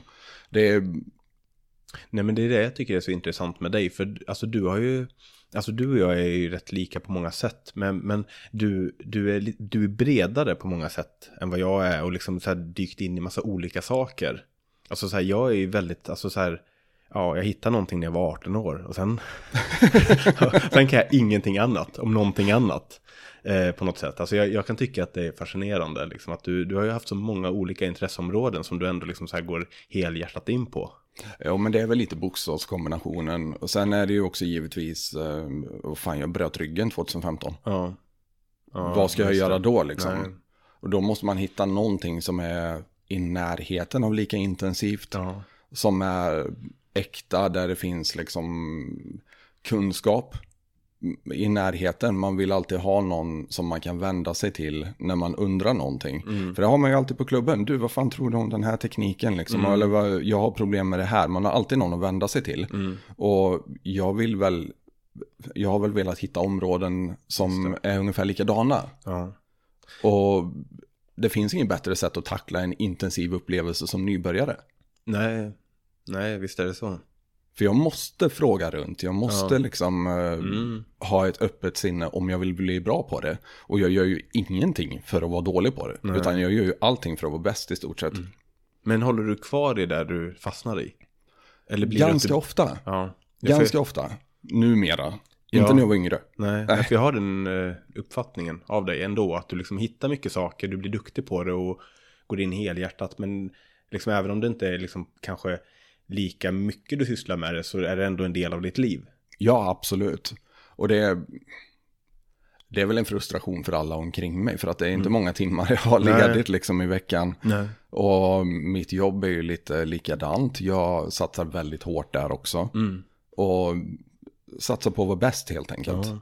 I allting jag gör. Och sen, sen kan ju intresset avta lite. Jag tappar lite intresse när jag inser att fan jag kommer inte bli bäst på det här. Mm. Men när det är tillräckligt, tillräckligt adrenalinfyllt och det är tillräckligt eh, nördigt egentligen. Ja. Jag har liksom saker att gräva ner mig i för att lära mig och utveckla mig. Mm. Så blir jag kvar i det ändå. Men, men det här att bli bäst, liksom, vem, vem jämför du med? Världseliten alltid. Ja, okej. Ja. Så att när du inte kan leva upp till världseliten så, tappar, Så är jag du kass. Lite, ja, okej. det känns jobbigt. Ja. Nej men det, det är någonting eh, jävligt märkligt med det där. Mm. Och det är någonting som har bott i mig Ja. alltid. Okej. Eh, Jag vet när jag började gå ut i skogen, alltså det är... Folk runt omkring mig vet ju om det här, men eh, när man kommer från en skogshuggarsläkt då är det fan med det första yrket du får lära dig också. Mm. Så man, farsan jobbade ju ute i skogen på helgerna. Eh, Jobbade i fabrik på veckorna och i skogen på helgerna liksom. Och det är klart som fan man följde med dit. Mm. Man började släpa stockar som åttaåring liksom. Då, Och jag var ju förbannad på mig själv redan då att jag inte kunde Okej. släpa stock lika bra som de vuxna. Ja. Jag var ju vansinnig Mm. och det är liksom en besvikelse på mig själv redan där. Mm. Okej. Bara för att jag inte kunde leverera lika mycket. Mm. Och å ena sidan så är det en jättebra driv- drivkraft. För att jag blir bra väldigt fort på saker jag gör. Jag räknar ut det väldigt fort för jag vill inte bo i den besvikelsen. Nej. Eh, och det, dessutom så känns det ju väldigt bra att utvecklas, men det är inte det som är min drivkraft, utan min drivkraft är att inte vara kass. Ja, okej. Ja, absolut. Det måste ju vara ett bra sätt att liksom få bra arbetsmoral och vara ute och släppa stockar när man var åtta år. Ja, ja, absolut. Och det byggde säkert väldigt mycket av min grundfysik och Ja. sådana här grejer också. Ja. För att jag märker ju, jag behöver inte lyfta och träna lika mycket som andra för att hålla mig i form. Nej. Jag ser alltid ut att vara i form i alla fall och jag ja. tror det kommer därifrån. Ja. Alltså. Jag Jag, satte grunden. ja, men jag har alltid tränat på något vis. Jag har Mm. alltid gjort tunga fysiska saker. Mm. Och jag har alltid velat utmana mig själv där också. Men har du ändrat om din träning? Alltså jag tänker som du pajar ryggen. För när var det du pajade ryggen? 2015 Ja, okej. var det. Men hur ser liksom träning, alltså hur såg träningen ut liksom efter det? Alltså hur har du kunnat lyfta saker eller liksom fysa? Det var, det var ju ett av de värsta åren i mitt liv. Mm. Absolut, efter det där. Jag insåg ju väldigt fort efter fallet att uh, där gick någonting sönder. Mm. Och det var allvarligt, jag, jag förstod det direkt. Eh, sen stod jag faktiskt på fötterna så fort jag, mitt momentum hade stannat. Mm, okej. Men eh, det kändes också direkt att det är någonting som inte håller ihop riktigt. Jag var tvungen att ha 100% buktryck för att kunna hålla mig upprätt. Så jag fick hålla andan. Och sen gick jag in, duschade av med färgen som jag hade med mig ner. Eh, Men för jag förstod ju du att du var allvarligt skadad? Absolut. Ja. Jag visste det direkt så jag sa det till och med till eh, familjen då liksom att jag måste in till eh, sjukhuset nu. Men jag tänkte ju inte sätta mig i familjens bil med färg på kroppen. Okej. Så att eh, jag klädde ju av mig kläderna och gick in och duschade först. Mm. Och sen när jag kom in till akuten så skällde de ju på mig som fan. Liksom, Din Mm. jävla idiot, du ska ligga still och vänta på ambulans. Men det Mm. är så, jag visste att barnen var hemma.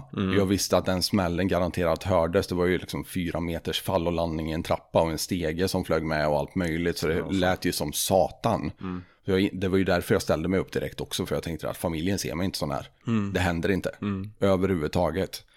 Så gick in, duschade av mig allting och bad min dåvarande partner köra in mig till sjukhuset. Och eh, där hamnade jag sen då. Och med den här, kon- det tog ett tag, jag fick väl ligga där 19 timmar tror jag. Okej. Och vänta. Um, vet att de sa att jag max fick resa upp ryggstödet 5 grader för att jag hade ju en misstänkt uh, ryggradsskada då. Och det visade sig ju stämma också. Mm. Ehm, drog på mig ännu mer själv när jag hoppade från säng till säng själv och sådana här grejer. Ehm, ehm, jag, jag kan inte vara invalid. Nej. Jag kan inte. Det går inte. Kan jag göra någonting fysiskt så kommer jag att göra det oavsett hur ont det gör. Mm. Och det var väl det också som var lite nackdelen nästa dag när jag hade legat i 19 timmar och väntat på läkare. Att läkaren kommer och frågar, kan du gå? Mm. Okej. Och jag, alltså du vet ju hur mitt huvud funkar. Mm, ja. Folket som lyssnar vet inte det. Nej. Men i mitt huvud hör jag ju bara, liksom, kan du gå? Och tänker, fan är du dum i huvudet? Eller det är klart som fan att jag kan gå. Mm. Och så håller man andan och man hittar liksom stödpunkter och lyckas resa sig upp. Och det är klart som fan jag kan gå med en bruten rygg också. Mm. Självklart. Men eh, det var ju inget bra egentligen, för jag Nej. vart ju hemskickad där. Ja, okej. Ja, och eh, till, tills idag så är ju det här oåtgärdat. Mm. Jag har lyckats dra på mig ett diskbråck ovanför och under den, fan. eller två diskbråck då blir det ju, Mm. eh, ovanför och under den kotan också. Mm. Men det året, för att återgå till frågan, var ju fruktansvärt. Min yngsta var ett år gammal. Mm. Jag kunde inte lyfta henne. Jag kunde inte, jag kunde ju för fan knappt gå utan att hålla andan liksom. Eh, så att det var en jättefrustrerande och hemsk uppbyggnad därifrån för att om det är någonting jag har kunnat lita på i mitt liv så är det ändå min styrka och helt plötsligt så har jag inte den. Eh, jag kunde marklyfta, eller jag vet ju marklyftet 220 Mm. med en kroppsvikt på 73 liksom. Och jag var faktiskt stark, även om jag inte ville inse det då så var jag stark. Och nu, numera så marklyfter jag en 150 igen. Eh, jag tror inte jag kommer att komma mycket högre än så. Jag vågar inte riktigt lita på att ryggraden håller ihop heller. Nej, kanske dumt att testa. Ja, för att som jag har fått förklarat för mig nu så är det ju musklerna som håller ihop mig. Ja, okej. Eh, De har i stort sett stelopererat min ryggrad då, mina muskler. Och så behöver det vara. Mm. För att jag har ju en trasig ryggrad. Men när kunde du komma igång igen efter den här skadan?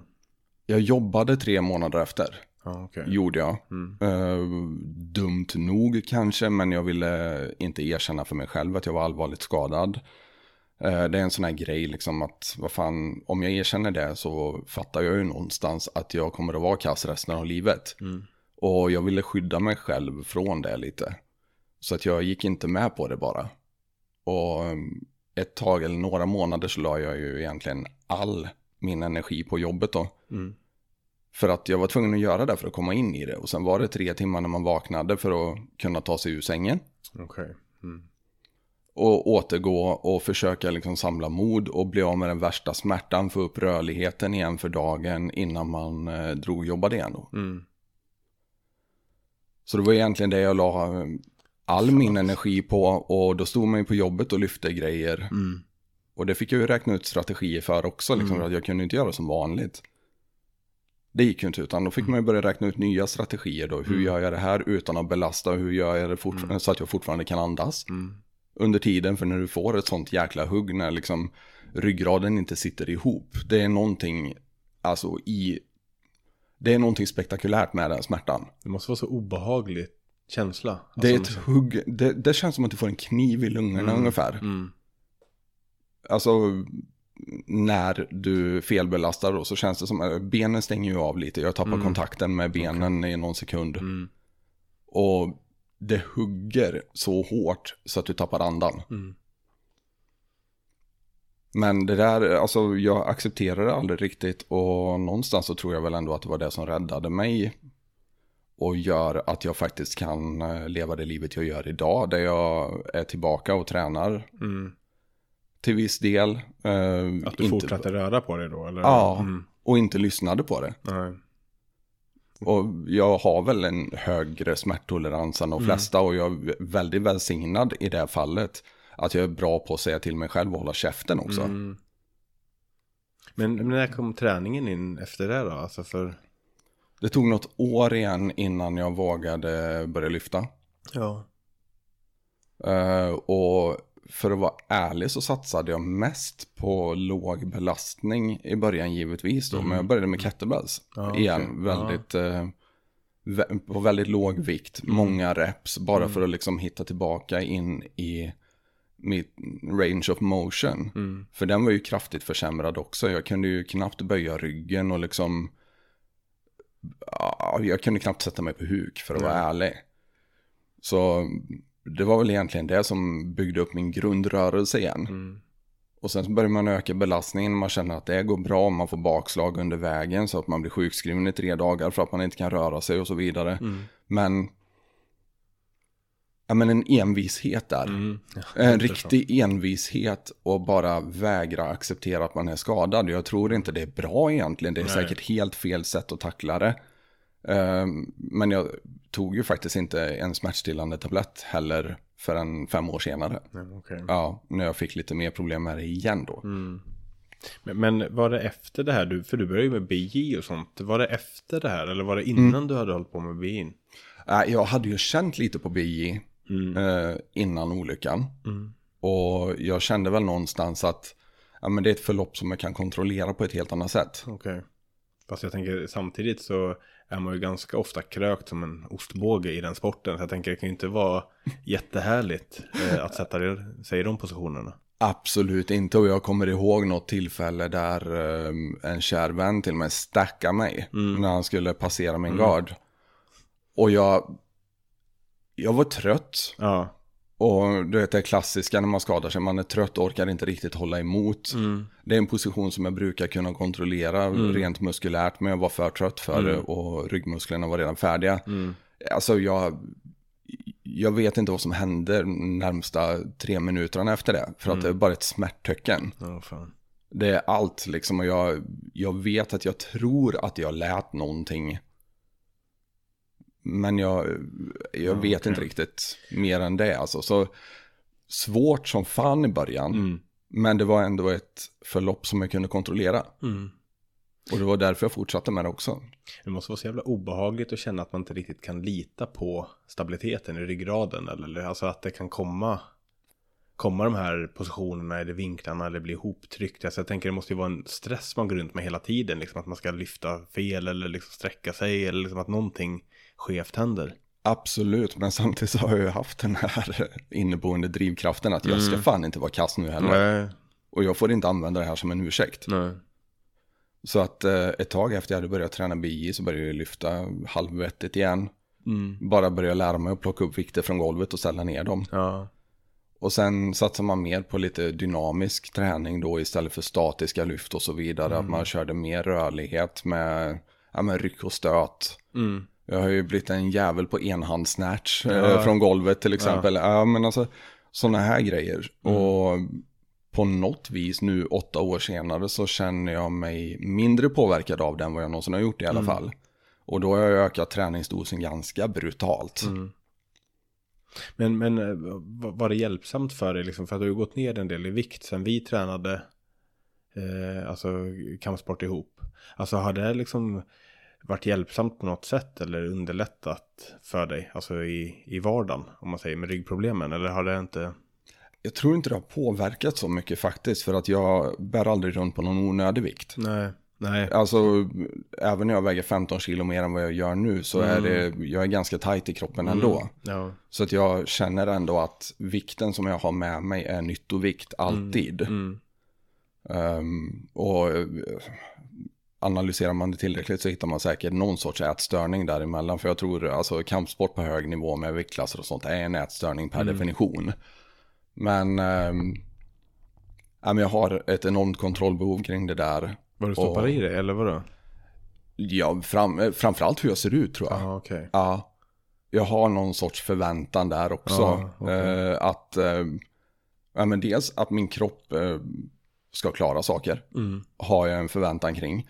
Och jag har också en förväntan kring liksom något så här utseendestandard också. Att det här går jag inte under bara. Ja, okej. Det händer inte. Och det är någonting som jag kan kontrollera och som faktiskt ger mig lite tillfredsställelse av att jag kontrollerar det också. Mm, okej. Sen så passar jag mig aldrig för vad jag äter. Jag stoppar ju i mig allting som kommer i min väg och i en rasande takt dessutom. Ja.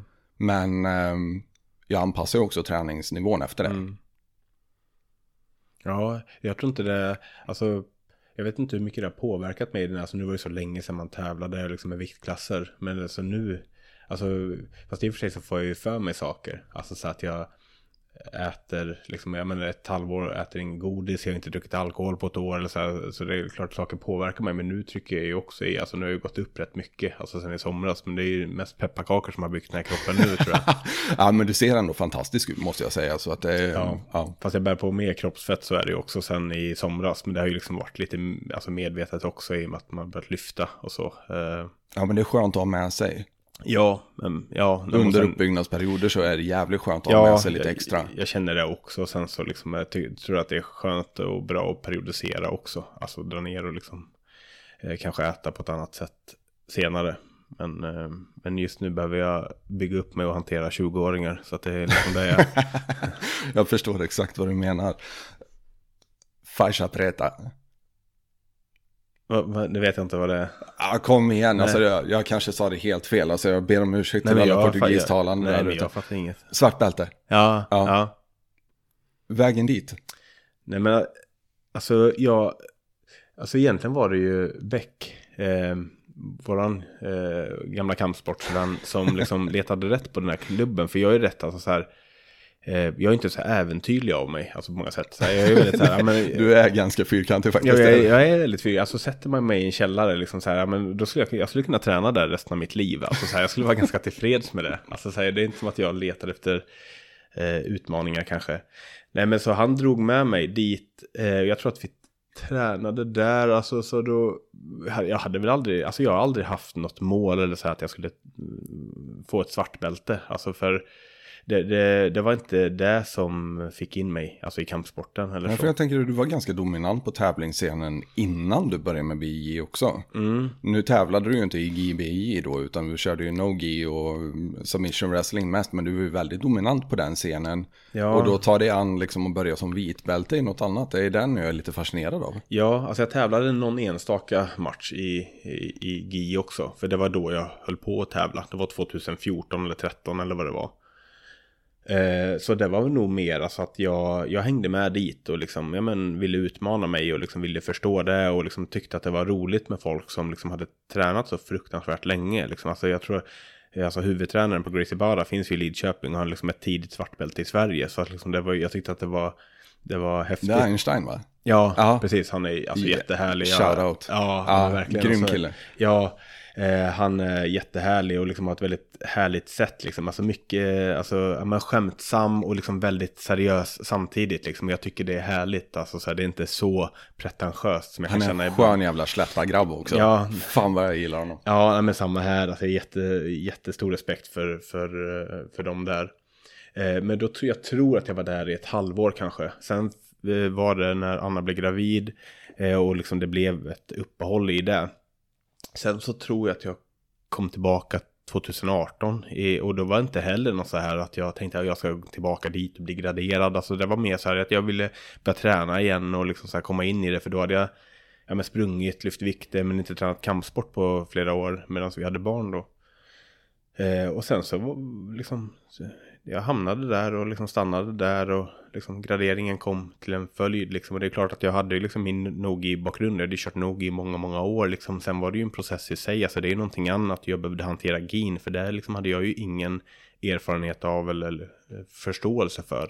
Jag är ju fortfarande i nybörjarstadierna när det gäller GI. Alltså, Det är jag kan ju svårt. säga, fan vad jag är frustrerad fortfarande. Ja, nej men man, alltså jag, jag tror att jag var det, alltså bara tills för något år sedan. Alltså egentligen, alltså för att jag tyckte mer att det, det, det, det höll mig tillbaka mer än vad jag liksom kunde utnyttja det. Men nu, nu har jag ju blivit en GI-pöjk mer. Alltså så att jag, jag, jag menar, har liksom speciella tekniker och även liksom så här hittat saker som jag uppskattar. Alltså som GI-stryp och sånt här från Mount som jag känner att eh, när folk försvarar liksom eh, armlås eller liksom bara sitter och eh, håller fast armarna och man kan liksom inte öppna upp för någonting så är det ju så fint att kunna ta GI-stryp. Det öppnar upp liksom så att jag har blivit en av de som numera jobbar med smother chokes och, och, och de här för att jag ville liksom hitta ett sätt liksom att eh, fylla den luckan som jag eh, eller ersätta det med någonting. Vi kanske ska förtydliga också för folk som inte har- är nördar som vi. Nej. Att man använder alltså kläderna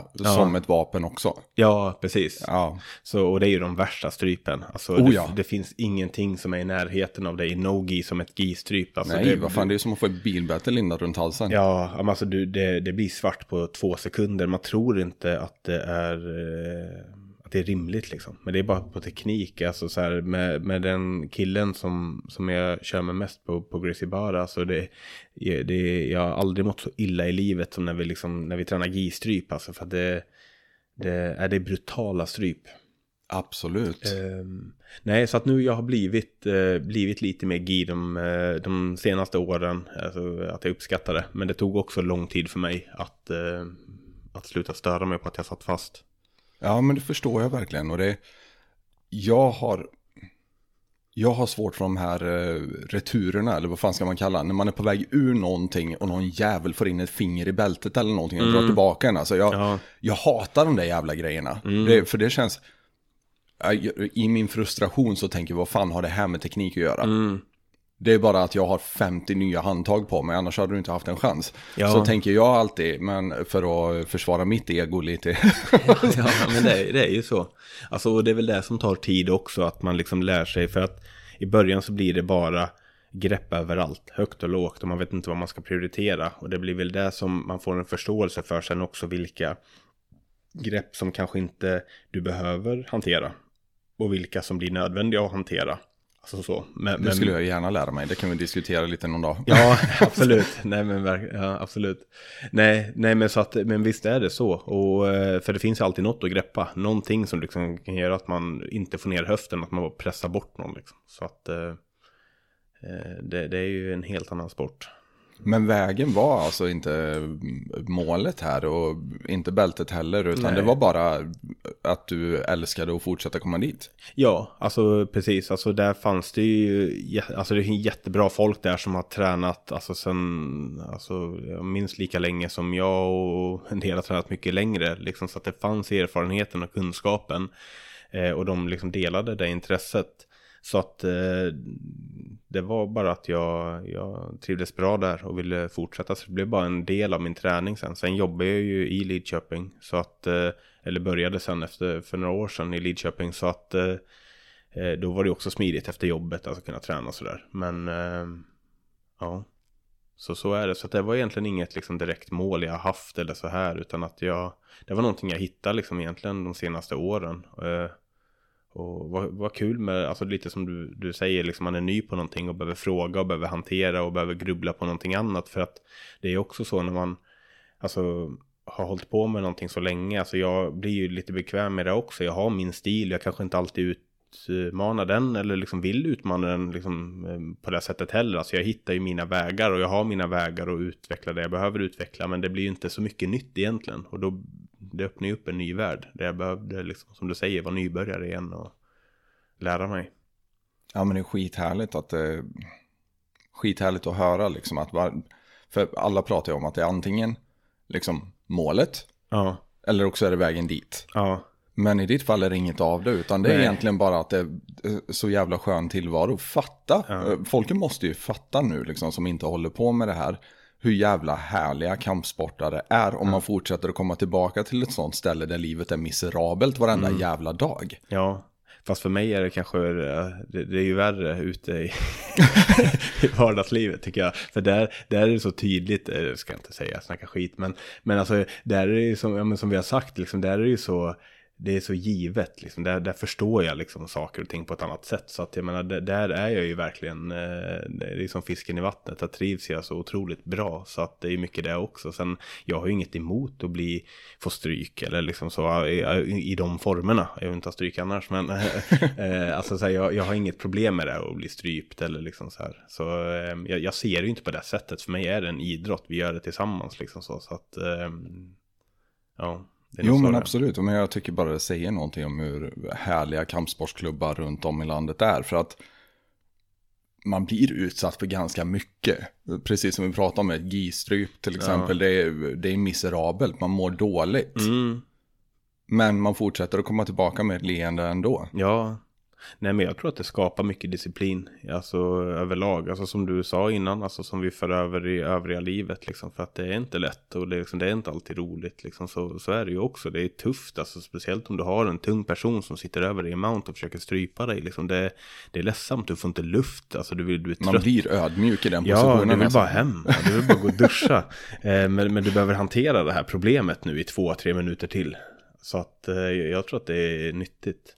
Jag tror också det är nyttigt och när man har utsatt sig för det, då känns inte vardagslivet så jobbigt längre. Nej, nej men så är det ju liksom. Dina problem på jobbet kanske inte blir lika stora då. För du har inte en 100 plus kille som försöker strypa dig. Liksom. Det, Här ligger en hel jävla del i det där och jag brukar faktiskt säga det också att det, det gör mycket för sinnet Mm. och framförallt för ödmjukheten och få veta varje dag hur jävla häftig man inte är. nej, eller hur? För är- menar, får man stryk varje dag så känner man sig inte så jävla häftig helt enkelt. Nej. Och jag tror det gör sådana som oss framförallt väldigt mycket trevligare personer. För Ja. att jag hade nog inte varit en bra person utan kampsport idag. Nej, nej, jag tror att det är en viktig läxa och jag tänker det är många man ser ute i, i livet som man tänker man skulle behöva lite mer ödmjukhet, behöva träna lite kampsport tror jag. För liksom många, nej, men jag tror att det är, det är nyttigt. Jo men det är en fascination för mig det där också. Hur många som går runt i landet och aldrig har fått en smäll i ansiktet. Nej. Och inte för att vara elak då, men vissa märks det på. Ja, ja, ja, ja. Nu ska vi inte uppmuntra misshandel på något vis, men eh, vissa märks det på att de aldrig har fått stryk. Nej. Hur ser kosten ut? Eh, pepparkakor nu då. Ja, Eh, ja, är precis. Mycket pepparkakor och brieost. Nej men alltså det har, det har gått alltså. Jag, jag får ju för mig mycket saker eh, som jag tänker är bra för mig eller kanske inte bra för mig. Alltså nu så äter jag ju, jag äter ju inte kött eller fisk men jag, eh, ja, ehm, äter ju liksom allt annat liksom. Så att det är ju inga konstigheter egentligen. Alltså nu, eh, ett tag så räknar jag kalorier bara för att liksom veta att jag, men jag ville ju bygga på mig liksom. Nu har jag slackat lite sen jag hade någon förkylning för eh, någon månad sen, så det gör jag inte. Så nu handlar det mer bara om att jag försöker få in mina, mina mål om dagen och är ganska, ganska noga med det. Alltså att jag får in mig, mm, mina proteiner och liksom kolhydrater och så. Men du har alltid varit väldigt disciplinerad kring det där och det är någonting som jag har beundrat väldigt mycket mm. faktiskt. För att alltså, säga vad fan man vill, men när man äter vegetariskt, du får mm. äta bra mycket mer och mycket mer målmedvetet för att få ja. samma resultat som om du äter eh, kött också. Mm. Jo men, men så är det ju på, på många sätt och jag tänker jag äter ju och ätit, alltså det är ju mycket jordnötssmör alltså, som har, har varit rätt nedtryckt. Alltså, Shout out. Hur, ja, hur mycket jordnötssmör som helst. Eh, för att det är ju lite det, jag är alltså trött på att tugga.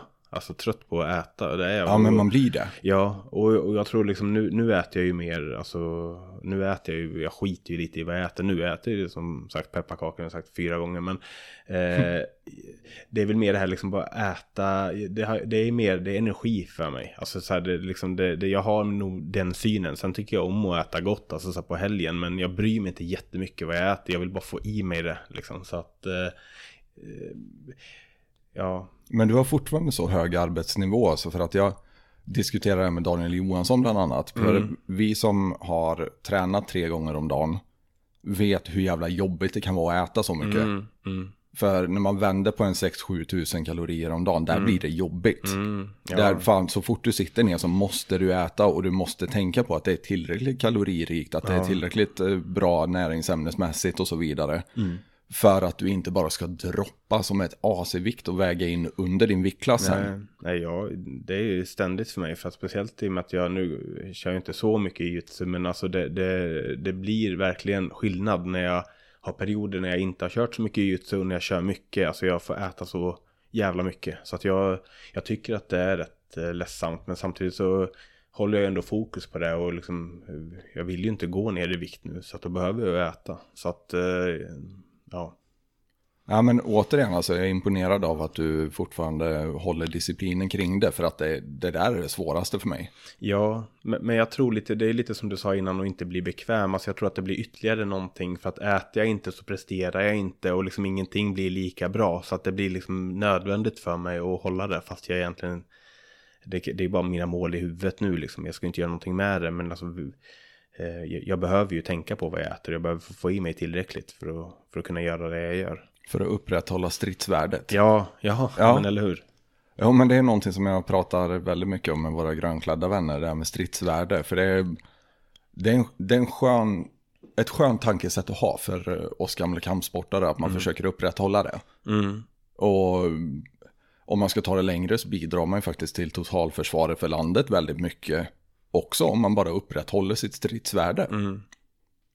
Ja, nej men eller hur. Alltså jag tänker om man då kopplar det till självförsvar, alltså det blir väl det också att jag vill, jag vill ju ändå vara kapabel på något sätt. Alltså inte, jag, jag, är alltså jag rör mig ju knappt utanför hemmet liksom, eller träningen liksom, men, men ändå liksom, det är väl också den här känslan av att, att kunna hantera situationer bättre. Liksom. Jo men alltså- absolut, för det är ju en enorm eh, rädsla givetvis att inte kunna prestera i ett sånt ögonblick. Mm. För oss som har lagt hela livet på det. Ja. Det är faktiskt en ja. rädsla däromkring och jag tycker det borde vara en större rädsla hos de som inte har kampsportat hela livet. Mm. Men å andra sidan så är inte de lika sammankopplade med verkligheten. Nej. Nej. De gjorde ju någon undersökning i USA för ett tag sedan som visade på att genomsnittsmannen är 4000 procent mindre effektiv i fysisk konflikt än vad han tror. Ja, det kan jag tänka. Jo men det är alltså, man hör ju alla de här dumma jävla grejerna. Ja men du vet när jag blir arg, jag hade mm. fan knockat Tyson. Jo men mm. fan, är du efterbliven mm, eller? Alltså, också... tror du verkligen på det där själv? Ja, men jag har också stört mig på det liksom. Ja men du fattar inte när det blir svart för mig. Ja, ja precis. Ja, du, det... det blir svart för dig när jag stryper dig. Det kan du ge fan på. Nej, men det är väl det liksom att den här självinsikten eller liksom självkännedomen liksom att man man behöver ju eh, utsätta sig själv för de här extrema situationerna för att lära känna sig själv tror jag. I de, eh, sen, sen blir det ju inte överförbart liksom, för jag menar det är ändå kontrollerat. Om du och jag brottas så vet vi att vi, du kommer ju inte slå ihjäl mig liksom. Nej, nej. Eh, men, men det blir ju ändå så likt liksom, gatan som man kanske vill eller så eh, i ett hobbysammanhang. Så att man lär ju känna sig själv i en, en eh, speciell situation, alltså när man tränar kampsport. Absolut, absolut. Och det, jag tycker det, det, för mitt liv i alla fall så ligger det ett enormt värde i det där. Det gör det. Och jag brukar ju faktiskt rekommendera också att folk spelar så mycket tv-spel de kan. Som återhämtning. Det, Ja. Jag tror jag är en av de enda coacherna i Sverige som gör det. Men tv-spel är ju också fantastiskt utvecklande för hand-öga-koordination. Det tar dig bort från stället en stund så att du slipper vara i ditt eget huvud. Och alltså, så både för återhämtning och i träningssyfte så är ju det jättebra. Och det, den, det jävla utlägget leder mig in till, vad spelar du nu? Nej men alltså, jag tror, alltså jag har blivit så nostalgisk på äldre dagar. Alltså så här, jag åker och besöker platser jag var på när, när jag var yngre. Jag har blivit en riktig När jag var ung gubbe. och stark igen. Ja, ja nej, men eller hur. Alltså, så att jag, jag har ju gått tillbaka till det här lite. Alltså f- för de som vet, liksom, så här, indiescenen har blivit ganska stor alltså, inom spelvärlden. Och det har ju öppnat upp för alltså, de här, alltså, så här gamla 90-talsspelen. Alltså, jag gillar ju så här, Doom och Quake och de här gamla Ja, skjutspelen. men de är feta. Ja, och det har ju släppt så mycket liksom så här indiespel som liksom påminner om det här. Eh, liksom, eh, samma koncept. Eh, så att det har jag snöat in på rätt eh, kraftigt. Alltså så här gamla, eh, gamla Quake-liknande spel. Eh, för för det, det, det är ju lite det här, alltså nu, jag har som sagt liksom inte tiden riktigt, eller det har jag, men liksom jag väljer inte att lägga ner det på spel på samma sätt idag. Så att om jag vill spela en halvtimme så vill inte jag rida på en häst i 20 minuter och sen ska jag stänga av. Alltså så här, då vill jag, jag vill in att det ska hända någonting direkt. Så att eh, det blir ett tacksamt till de spelen. Liksom. Det är så här, men ingen story, jag orkar inte, jag, jag vill inte sätta mig in i någonting. Liksom så här, att jag, jag har ju ett rätt Fan var det där telepatiskt eller har du stakat mig på Playstation? För jag startade Red Dead Redemption igen. Ja, kände dig träffad jag rida runt i 20. fan, alltså, jag fick Nej. fan med en pil i hjärtat där lite. God damn! Nej men är det inte lite så? Jo men så är det. För att få absolut. någonting, liksom komma till något av spelvärde så behöver du liksom en transportsträcka och liksom det är fint i sig och meningsfullt, jag köper den grejen. Men eh, jag har liksom inte riktigt ro för det just nu. Nej men Alltså, du behöver ett par timmar för att få eh, alltså, utdelning av det Ja. ordentligt. Så är det. Så att starta ett FPS-spel är ju fantastiskt. Och du har väl varit mycket för FPS överlag eller? Jo, men det här, jag, gillar, alltså jag gillar det, jag har alltid gillat det. Alltså Du har ju smokat mig som fan i Call of Duty i alla fall x Ja. antal gånger sedan. Ja men det var ju mycket alltså den tiden när vi liksom, ja men tränade mycket, hängde i min lägenhet och spelade kod. Alltså så här, det var ju typ det man gjorde mellan träningarna. Alltså Ja. satt och spelade split screen. Alltså det var ju en härlig tid liksom när jag spelat online. Så att jag har nog alltid tyckt att det har varit härligt. Och det är nog lite det här också, ja men alltså bara komma snabbt in i någonting, det är roligt direkt. Det är Alltså, jävligt så. ADHD-vänligt. Ja, jo Ja, men det precis. får man säga. Ja, och sen så blir det väl li- lite liksom, eh, alltså man blir så stimulerad liksom att man, ja men i jujutsun, i arbetet, alltså så, i, jag vill liksom inte, jag vill, jag är inte lika sugen på att få en historia berättad för mig, alltså så då kanske jag hellre läser eller gör någonting annat. I spelsammanhang så vill jag bara in, det ska vara lite hjärndött kul direkt. Så det är lite mer det jag söker nu. Ja, jag förstår. Har du några favoriter förutom eh, Quake och Doom då? Alltså, jag, alltså mitt favoritspel är nog, alltså jag älskar ju de gamla Zelda. Eh, Ah, Ocarina of fuck Time, A Link to the Past. ja. Alltså de är nog så här, de, de kommer alltid ha, vara speciella för mig. Eh, Spelar du dem också? Eh? Ocarina of Time Ja, körde jag och ja. jag är lika kär som Mm. alla andra jävla fanboys som Ja. någonsin har kört. Alltså Ja. det är verkligen en emotionell resa för Ja, mig. men det är vackert.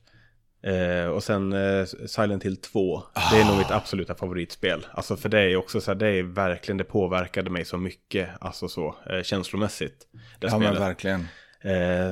Men, men så nu, nu är det ju mer, alltså så här, jag har ju blivit dummare med åren, det, man kan inte säga något annat än det. Eh, så att nu är det ju mer så här, jag älskar ju bara, alltså Doom Eternal, om du har spelat det, alltså det är liksom, ja men du kommer in i ett rum, skjuter alla, går till nästa rum, alltså så här, det är typ vad jag klarar av idag.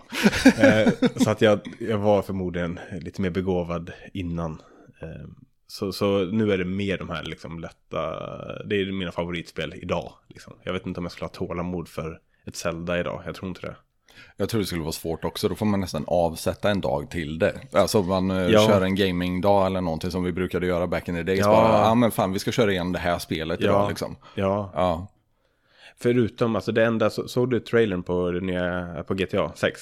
De släppte någon trailer för, var det förra veckan? eller var det den här veckan? Ja, det var förra, det var något sånt. Ja. Ja alltså det är ju ett spel som jag verkligen ser fram emot och som jag är peppad på riktigt att spela. För alltså, nu har inte jag spelat Red Dead 2, men alltså GTA-spelen, alltså det finns ju ingenting. Alltså jag, jag jämför dem lite med typ Tarantino-filmer i hur han bygger upp Alltså det är karaktärerna och dialogerna. Alltså det, Det var så... faktiskt en riktigt jävla bra jämförelse för alltså Trevor Phillips Mm, i GTA ja, 5. Det är ju en av de sjukaste karaktärerna jag någonsin har varit med om Ja. i, i underhållning överhuvudtaget. Ja, men jag håller med. Alltså det är så briljant liksom. Så att det, det är ju det enda tror jag som verkligen skulle säga. Ja, det skulle jag avsätta tid för och verkligen vill uppleva. Ja, men det är en veckas semester och Ja. håll käften. Ja. men jag får fråga då när du spelar Red Dead, för jag har ju kikat på det lite. För jag spelar ju ettan och jag har spelat liksom alla GTA och så. Men, men eh, tvåan, är det vettigt? Jag var tvungen att få 100% completion. Okej. Så bra var det. Ja. Ja, alltså det är det jag har plockat upp igen nu, det är Mm. tvåan. Eh, nu är jag väl inte lika manisk med det Nej. som jag var då. Eh, för det var så vackert, jag ville aldrig någonsin lämna den världen när det Nej. kom. Nej. Kan jag säga, man kan lägga två dagar på att bara fiska. Ja. För att eh, då ligger det side missions där också, men du har Ja. sådana här fiskmonster du ska hitta. Ja. Och ja, Fast det skrämmer ju mig lite, för jag vet ju också, speciellt om det är en bra värld, att jag kommer bli fast i det. Som vi säger, att jag liksom då fastnar i det totalt. Och jag vet inte om jag vill det. Alltså så, för att då, då kommer det bli den här konflikten i huvudet, liksom, vad jag, ja, vad timmar jag försvinner. Ja. Alltså det äter upp ditt liv, eller om man är lagd som jag i alla Ja. fall. Du vet ju min historik, jag älskar ju att spela Final Fantasy till exempel.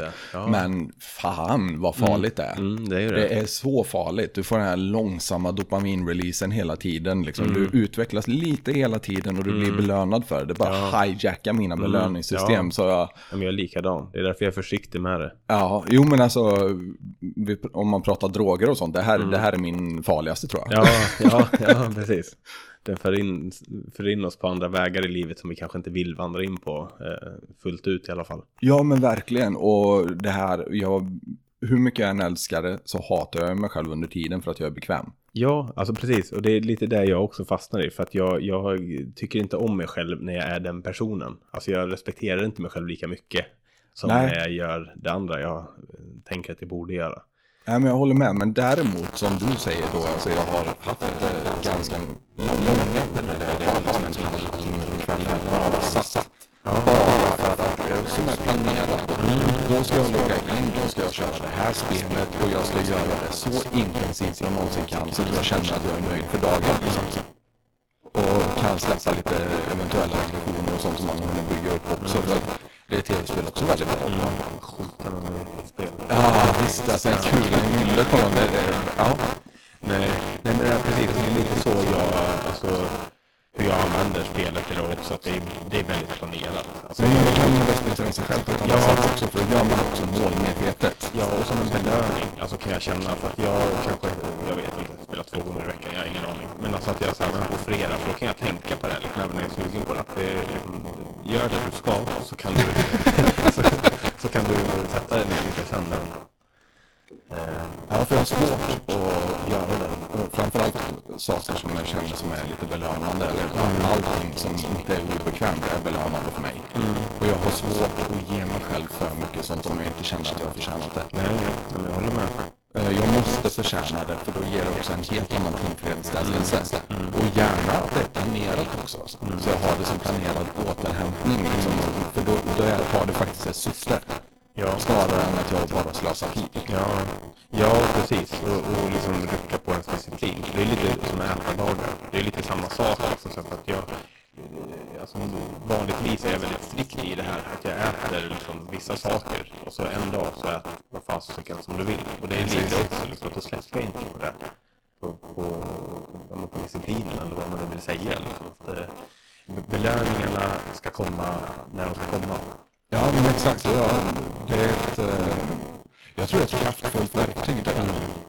Jag tror faktiskt att, att när man är här bokstavsbarn som jag, alltså, jag, jag försvinner in i det. Ja, Jag gör det och sen så äter det upp mitt liv och det tar eh, dödar till viss del mina rutiner och jag mår inte bra av det egentligen. Nej. Förutom just nu när jag sitter och håller på med det. Ja. Så att, äh, men planerad gaming är jävligt nice för mig faktiskt. måste jag säga. Jo, men det jag nog alltid syssla med. Alltså, på ett sätt eller annat. Eller, alltså, sen när jag, nu det senaste så hade jag ett år eller ett halvår när jag knappt spelade någonting. Alltså, så att jag fastnade i andra grejer. Men sen så är det, det är alltid någonting som jag på något sätt kommer tillbaka till. Alltså, eh, på ett eller annat sätt. Jo, men det är jag är precis likadan där, även om vi gillar lite olika spel. Jag, jag har ju en förkärlek för lite starka stories till exempel. Och du brukar ha lite kortare uppmärksamhetsspann och så, vill in i det direkt. Ja, liksom. Så, men, eh, har jag inte skjutit den på fyra sekunder så... nej, jag vet, du hatade Metal Gear. Ja, jag spelade, jag spelade tvåan. Ja. vet jag. Men det, nej, alltså det, alltså det, jag tror att det är... Problemet för mig är att det inte är liksom mitt sätt att få eh, story berättad. Alltså jag vill inte få det i det, på det sättet. Alltså, jag, jag vill hellre läsa eller kolla på någonting. Jag vill liksom spela för mig, det blir liksom så här, men jag är uppvuxen med Mario. Jag vill liksom bara spelglädje liksom direkt. Ja. Nej, men jag förstår precis vad du menar. Alltså, alltså, jag får mig gått ut på det här ganska bra nu kan jag säga. Det har varit jävligt kul. Men jag, jag har några grejer till som jag i alla fall vill eh, ha med här innan vi avslutar. Eh, tips för att få träningen och familjelivet att gå ihop och gifta sig med varandra när båda föräldrar är aktiva. För att ni, ni tränar ju enormt mycket båda två, både du och Anna. Ja. Och barnen har ju också sina aktiviteter och så vidare. Ja. Vad har du för tips? Alltså, det, det är svårt att säga. Alltså, jag tror liksom, om man vill man eh, träna mycket så behöver man prioritera bort andra saker. Alltså, för det finns inte den tiden. Alltså, så. Sen så tror jag liksom på att schemalägga. Alltså, så det spelar ingen roll alltså, om du är trött eller vad det är. Du behöver göra det då. För sen finns det inte, det finns inte tid eller möjlighet. Så vi har ju ett väldigt Eh, alltså vi, vi planerar ju allting. Eh, alltså barnens aktiviteter, vem som tar vad, när det är hennes tur att träna, när det är min tur att träna. Jo, jag vet hur svårt det var att boka det hit bland annat. Ja, nej, men precis. Men det, nej, men det är lite så. För att alltså, jag, jag lyssnade på någon podd eh, när de pratade om det här, liksom, att han började dagen med liksom, att sitta och tänka ut och planera sin dag. För att annars så kändes det som att dagen liksom bara tog tag i honom. Och liksom, eh, jag tror att liksom, syftet var väl liksom att man skulle få lite kontroll över tillvaron. Men för mig, alltså, jag känner inte igen mig i det. För att, för, alltså, jag känner verkligen varenda, varenda minut är på något sätt eh, schemalagd. Alltså jag har någonting som jag alltid gör. Alltså så, det är väl lite som det här med återhämtningen. Det är väl den som får ta stryk då. För att jag, och, sen är det inte alltid att allting är supervettigt i och med att jag ligger, eh, alltså pendlar en och en halv timme. Alltså bara till jobbet liksom så här. Men jag menar på något sätt så gör jag alltid någonting. Så att det är svårt då. Och sen är jag ju fyrkantig. Så att jag kan inte ändra på någonting heller. Alltså jag är ju en pissig vän. För att jag liksom kan inte ändra på det. Alltså jag, jag ska ut i garaget. och då kan jag, nej, det är otänkbart för mig att ändra på det och göra någonting annat. Ja, men så är det bekantskap faktiskt. Ja. Så det har varit på det sättet. Och eh, det är ju inte svårare än att man får träffas i garaget och då Nej. har man en skivstång tänker jag. Så Nej. det behöver ju faktiskt inte vara besvärligare. Nej. Och det är dessutom ett av mina favoritsätt att umgås och träna ihop. Jag håller med. Det är verkligen. Så att det där, ja, men det, det är jättebra tips faktiskt. Bara schemalägga och sen täcka upp för varandra. Alltså, ni kompletterar varandra jättefint ur varandra. Så att det, hitta någon som matchar din ambitionsnivå har vi varit inne på innan. Ja, nej men visst är det så. För det, det är ju, det, jag tänker att det blir inte lika mycket alltså, negativitet i relationen om man liksom förstår varandra. Alltså vi förstår hur viktigt det är för varandra. Så då handlar det mer bara om att vi ska planera med tiden. Liksom. Eh, och som du säger, alltså, det, det är ju sen prioriteringar. Alltså, jag har ju alltid gillat det och umgås med folk jag tränar med. För att vi, vi, ser, vi ser det på samma sätt. Ja. Och så är det ju för mig nu också. Alltså, med med är ju folk som, som tränar. Mm, Träffas mest på klubben eller så. Så är det. Ja, men vi blir ju lite sektliknande på det sättet. Vi som tränar mycket kampsport. Alltså, man, man umgås bara med klubben. Man är Ja. på klubben och man reser fram och tillbaka till klubben. Och man går ut och käkar med klubben. Ja. Och, och så vidare och så vidare. Men det, är- det är väl precis det där att alla är likadana.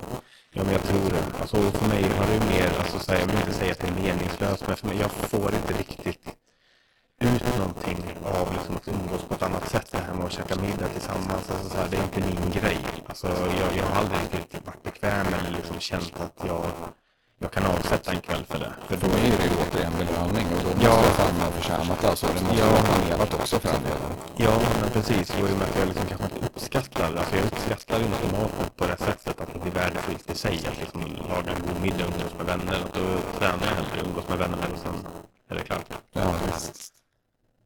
Ja, för tips till kids ifall de eh, vill göra samma sak som du. Men du har lyckats med jävligt mycket ändå. Eh, måste jag säga. Du eh, har ett bra jobb. Du är välutbildad. Du har svart bälte i BJ. Du har en jättefin familj och liksom har byggt det livet också väldigt fint. Så tips till folket om de vill göra något liknande. Men jag, jag tror liksom att göra det tydligt för oss vart vi vill i livet oavsett vad det är. För jag menar jag har inte haft de ambitionerna egentligen att liksom bli bäst, alltså så, alltså bli bäst i Sverige eller bäst i världen. Men jag har liksom velat ta mig någonstans och fortsätter att gå på den vägen. Och att vi gör det klart för oss då vad, vad, vad vi behöver offra för att fortsätta gå mo- mot våra mål och vad vi behöver prioritera bort och, och liksom även inse då om vi väljer att gå ut med kompisarna, det kan ju vara fint att göra ibland, men liksom om vi väljer att göra de här sakerna, vad blir konsekvenserna och vart för mig då? Så att bara vara väldigt tydlig och konkret med vart vi är på väg i livet egentligen och ju tidigare desto bättre tror jag om vi kan fånga det.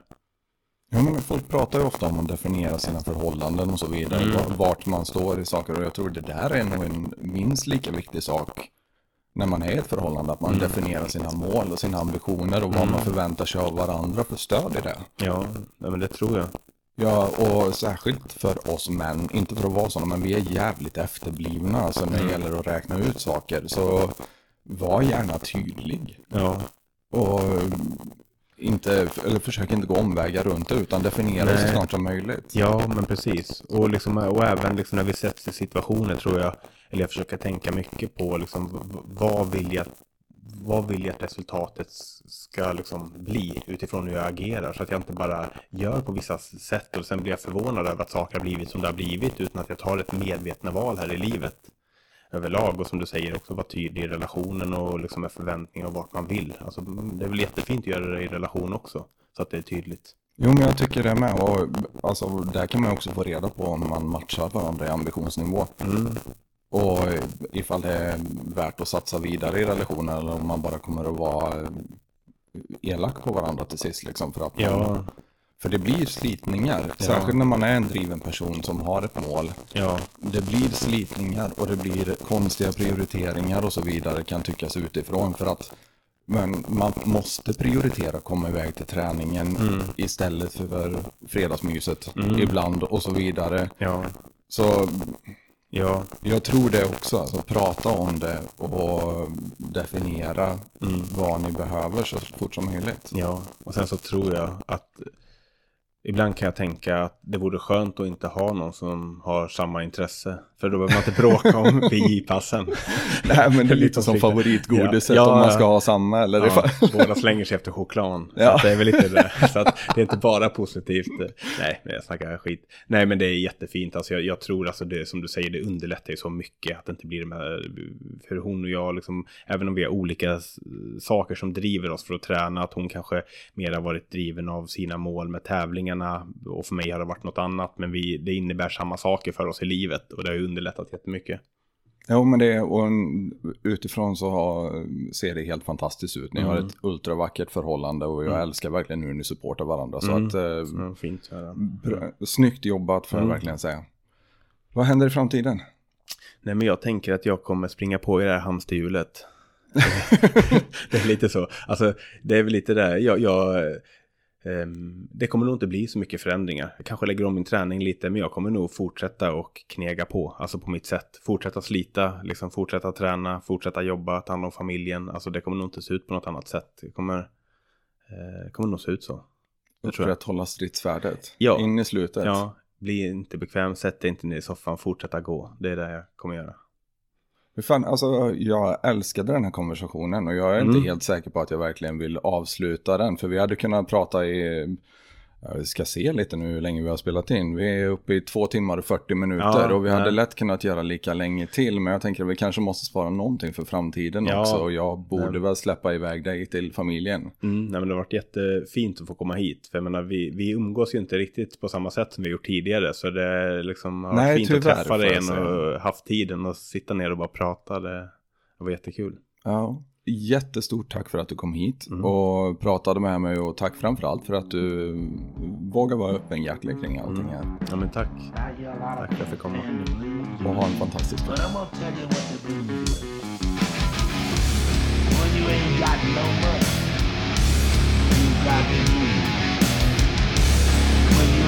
Got no money, no to pay your house, you still got the